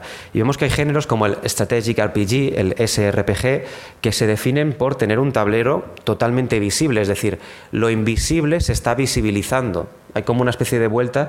Si el juego de mesa está cogiendo cosas del videojuego, el, videojuego, el juego digital, está volviendo a tendencias del juego de mesa. Fire Emblem, Project, X, eh, Project Cross Zone, se dice Cross, hacen visible, visibilizan aquel sistema de reglamento que el videojuego está tendiendo a invisibilizar. ¿Veis? Este es Project Cross Zone Además, fijaos la, la, hibridación, se ve el tablero arriba, pero cuando hay un combate pasamos a una representación tanto audiovisual como de ejecución puramente de videojuego. Y mi segunda pregunta, esto ya viene por manías personales, si os he dicho que el juego, la partida, es un fenómeno, es un acto, es una cosa, un acontecimiento que se puede mirar y que se puede analizar dentro del espacio, hasta qué punto los juegos de baile no eran en sí híbridos entre esta digitalización del proceso y esta interacción con un tablero físico, con un espacio, una gestión del espacio que además tiene casillas muy marcadas y estamos jugando, mi hipótesis es que estamos jugando en la parte de la derecha, la pantalla no es más que un conjunto de instrucciones, pero lo que le importa al jugador es esta especie de Simon que hay en el suelo, que es el espacio donde él se mueve y con el que se tiene que, relacionar. ¿no? Entonces yo creo que, por una parte, vemos esto, juegos que están visibilizando lo que dentro de la pantalla, dentro de lo digital, la herencia que tienen de juego de mesa, pero por otra veo que el espacio, eh, ya planteaban los compañeros, por ejemplo, el Guitar Hero, pues juegos de baile, ya demuestran que el videojuego nunca ha abandonado esa parte física, esa parte que sale de la pantalla, en la que, ese mundo en el que estamos nosotros, que está dentro del círculo mágico pero no está dentro del aparato de representación. Como veis, tengo más dudas que certezas, pero es que es el momento de los Game Studies y por eso acabo animándoos a los que os interese como alumnos a que, a, a que entréis, a que os animéis y a que os suméis a decir cosas, porque queda mucho por decir, las preguntas de investigación son muy relevantes, como dice Oliver, siempre es mejor caer en el sobreanálisis que en, eh, en la modestia, porque el sobreanálisis siempre en algo va a acertar, la modestia se va a quedar decir, yo no, no hago ninguna hipótesis y ya está, ¿no? Y mm, son preguntas relevantes para todos, no solo para los que nos dedicamos al videojuego como cuestiones sociales, cuestiones de la comunicación, cuestiones eh, antropológicas, las preguntas sobre el juego y el videojuego para mí son de primer nivel. Así que dejo esas preguntas en el aire, doy las gracias de nuevo a vosotros y, a la mesa y os escucho lo que queráis decir. Gracias.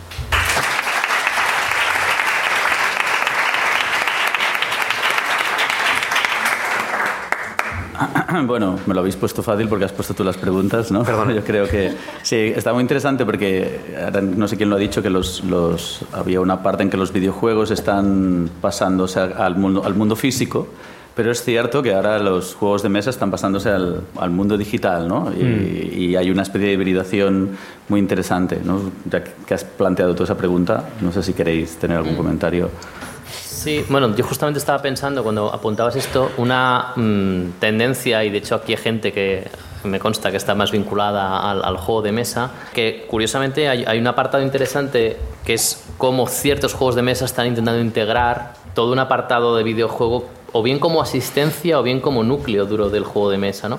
Por ejemplo, tenemos el caso de Alquimistas, ¿no? que Alquimistas es la asistencia, una asistencia a un sistema de cálculos, justamente lo que apuntabas tú, Víctor, de eh, cuando tienes un cálculo complejo, que en este caso, pues aunque es verdad que Alquimistas te permite físicamente hacer el cálculo, pero eh, elimina un jugador ¿no? para poder hacerlo, en este caso eh, la tecnología del videojuego nos permite eso, automatizar ciertas cosas que para, mm. para el juego o resultarían muy tediosas o no son el foco lúdico. ¿no? Pero luego tenemos, por ejemplo, XCOM, que imagino también conoceréis algunos. Eh, XCOM es directamente como el planteamiento del mundo de ficción, los, eventos que pasan en el juego de mesa están determinados por una aplicación, ¿no? Y es una aplicación que es un juego, es decir, que es un juego que se plantea distintos retos con unas temporalidades, ¿no? Yo creo que la, lo, lo, que lo que planteó Víctor sobre el elemento físico o cómo hay esta especie de trasvase entre mm, tableros en, en videojuegos y eh, el impacto del videojuego en el juego de mesa eh, yo creo que es el principio de una bonita relación, ¿no? Como diría, como diría en Casablanca, ¿no?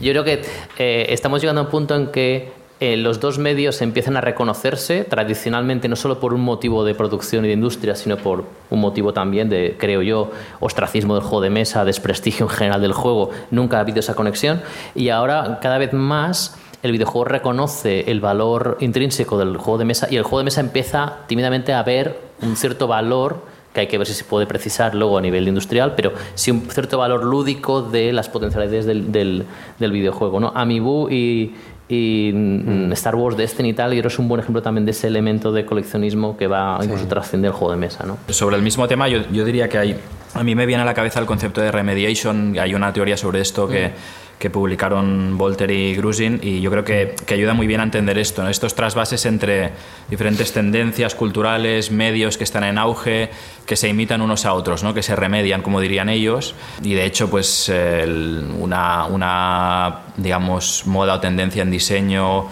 o filosofía en diseño, como queramos llamarla, como que de la que se ha hablado bastante últimamente, que es el gamification, pues es un experimento, una, una manifestación más de una remediación eh, del juego, la jugabilidad, el videojuego, en, por ejemplo, en redes sociales, en aplicaciones, etcétera, que no son estrictamente juegos, pero que sí que imitan algunos elementos, mecánicas de juegos, etcétera, ¿no? Eh, casos de Foursquare, otras redes sociales, etcétera. Entonces yo creo que, que, es algo que está ahí, que seguramente vamos a ver más, yo tengo la impresión. Eh, yo añadiría en cuanto al impacto del videojuego en, en juegos de mesa, no soy un experto, soy un aficionado, pero realmente no lo lanzo solamente como una hipótesis un poco verde que además de, ir incorporando elementos tecnológicos que se hibriden con el juego de mesa y demás, hay un aspecto que quizá se puede ir viendo potenciado que es la narrativización. ¿no? Antes hablaba de gamification o ludificación, pero también yo el otro día jugando, hablo de una experiencia personal, ¿eh? a, un juego de mesa que es eh, Zombicide, vi que es un juego con que se diseña, que, está, que se vende como por episodios, que tiene un mm. componente narrativo importante. Eh, y que tiene también elementos de rol, es decir, no solo se potencia una vertiente narrativa, que es fundamental en los videojuegos, no es que no sean juegos analógicos, pero, y menos en el rol, obviamente, ¿eh? pero sí que en el videojuego toda la, la, la, presencia de la narratividad eh, es esencial, ¿no? Entonces, ves que, que, se, que se mezcla ¿no? con, con, dinámicas de juego de mesa, con, con, elementos básicos de juego de mesa, esta, esta potenciación de la narrativa, de la, del juego de mesa como una experiencia narrativa y de la construcción del personaje, añadiendo mm, habilidades, esto vendría más del, del, rol, aunque no sea en sí un juego de rol, el Zombicide, ¿no? sino que es un, es un juego de, de tablero de, y de, de, escape en juego cooperativo. Así que sí, yo creo que es una pista que haces muy bien en plantear porque tendremos que estar atentos a todas las remediaciones en varias direcciones ¿no? y, y desde diferentes puntos de vista. Me sabe mal porque nos hemos comido el tiempo. Esto, ya vamos, mm, como siempre, mal en estas cosas. Entonces, mm, os agradezco muchísimo todo lo que nos habéis explicado. Hacemos una pequeña pausa para tomar un café y, recuperar fuerzas y eh, aprovechamos luego para seguir el debate. ¿Vale? Muchas gracias.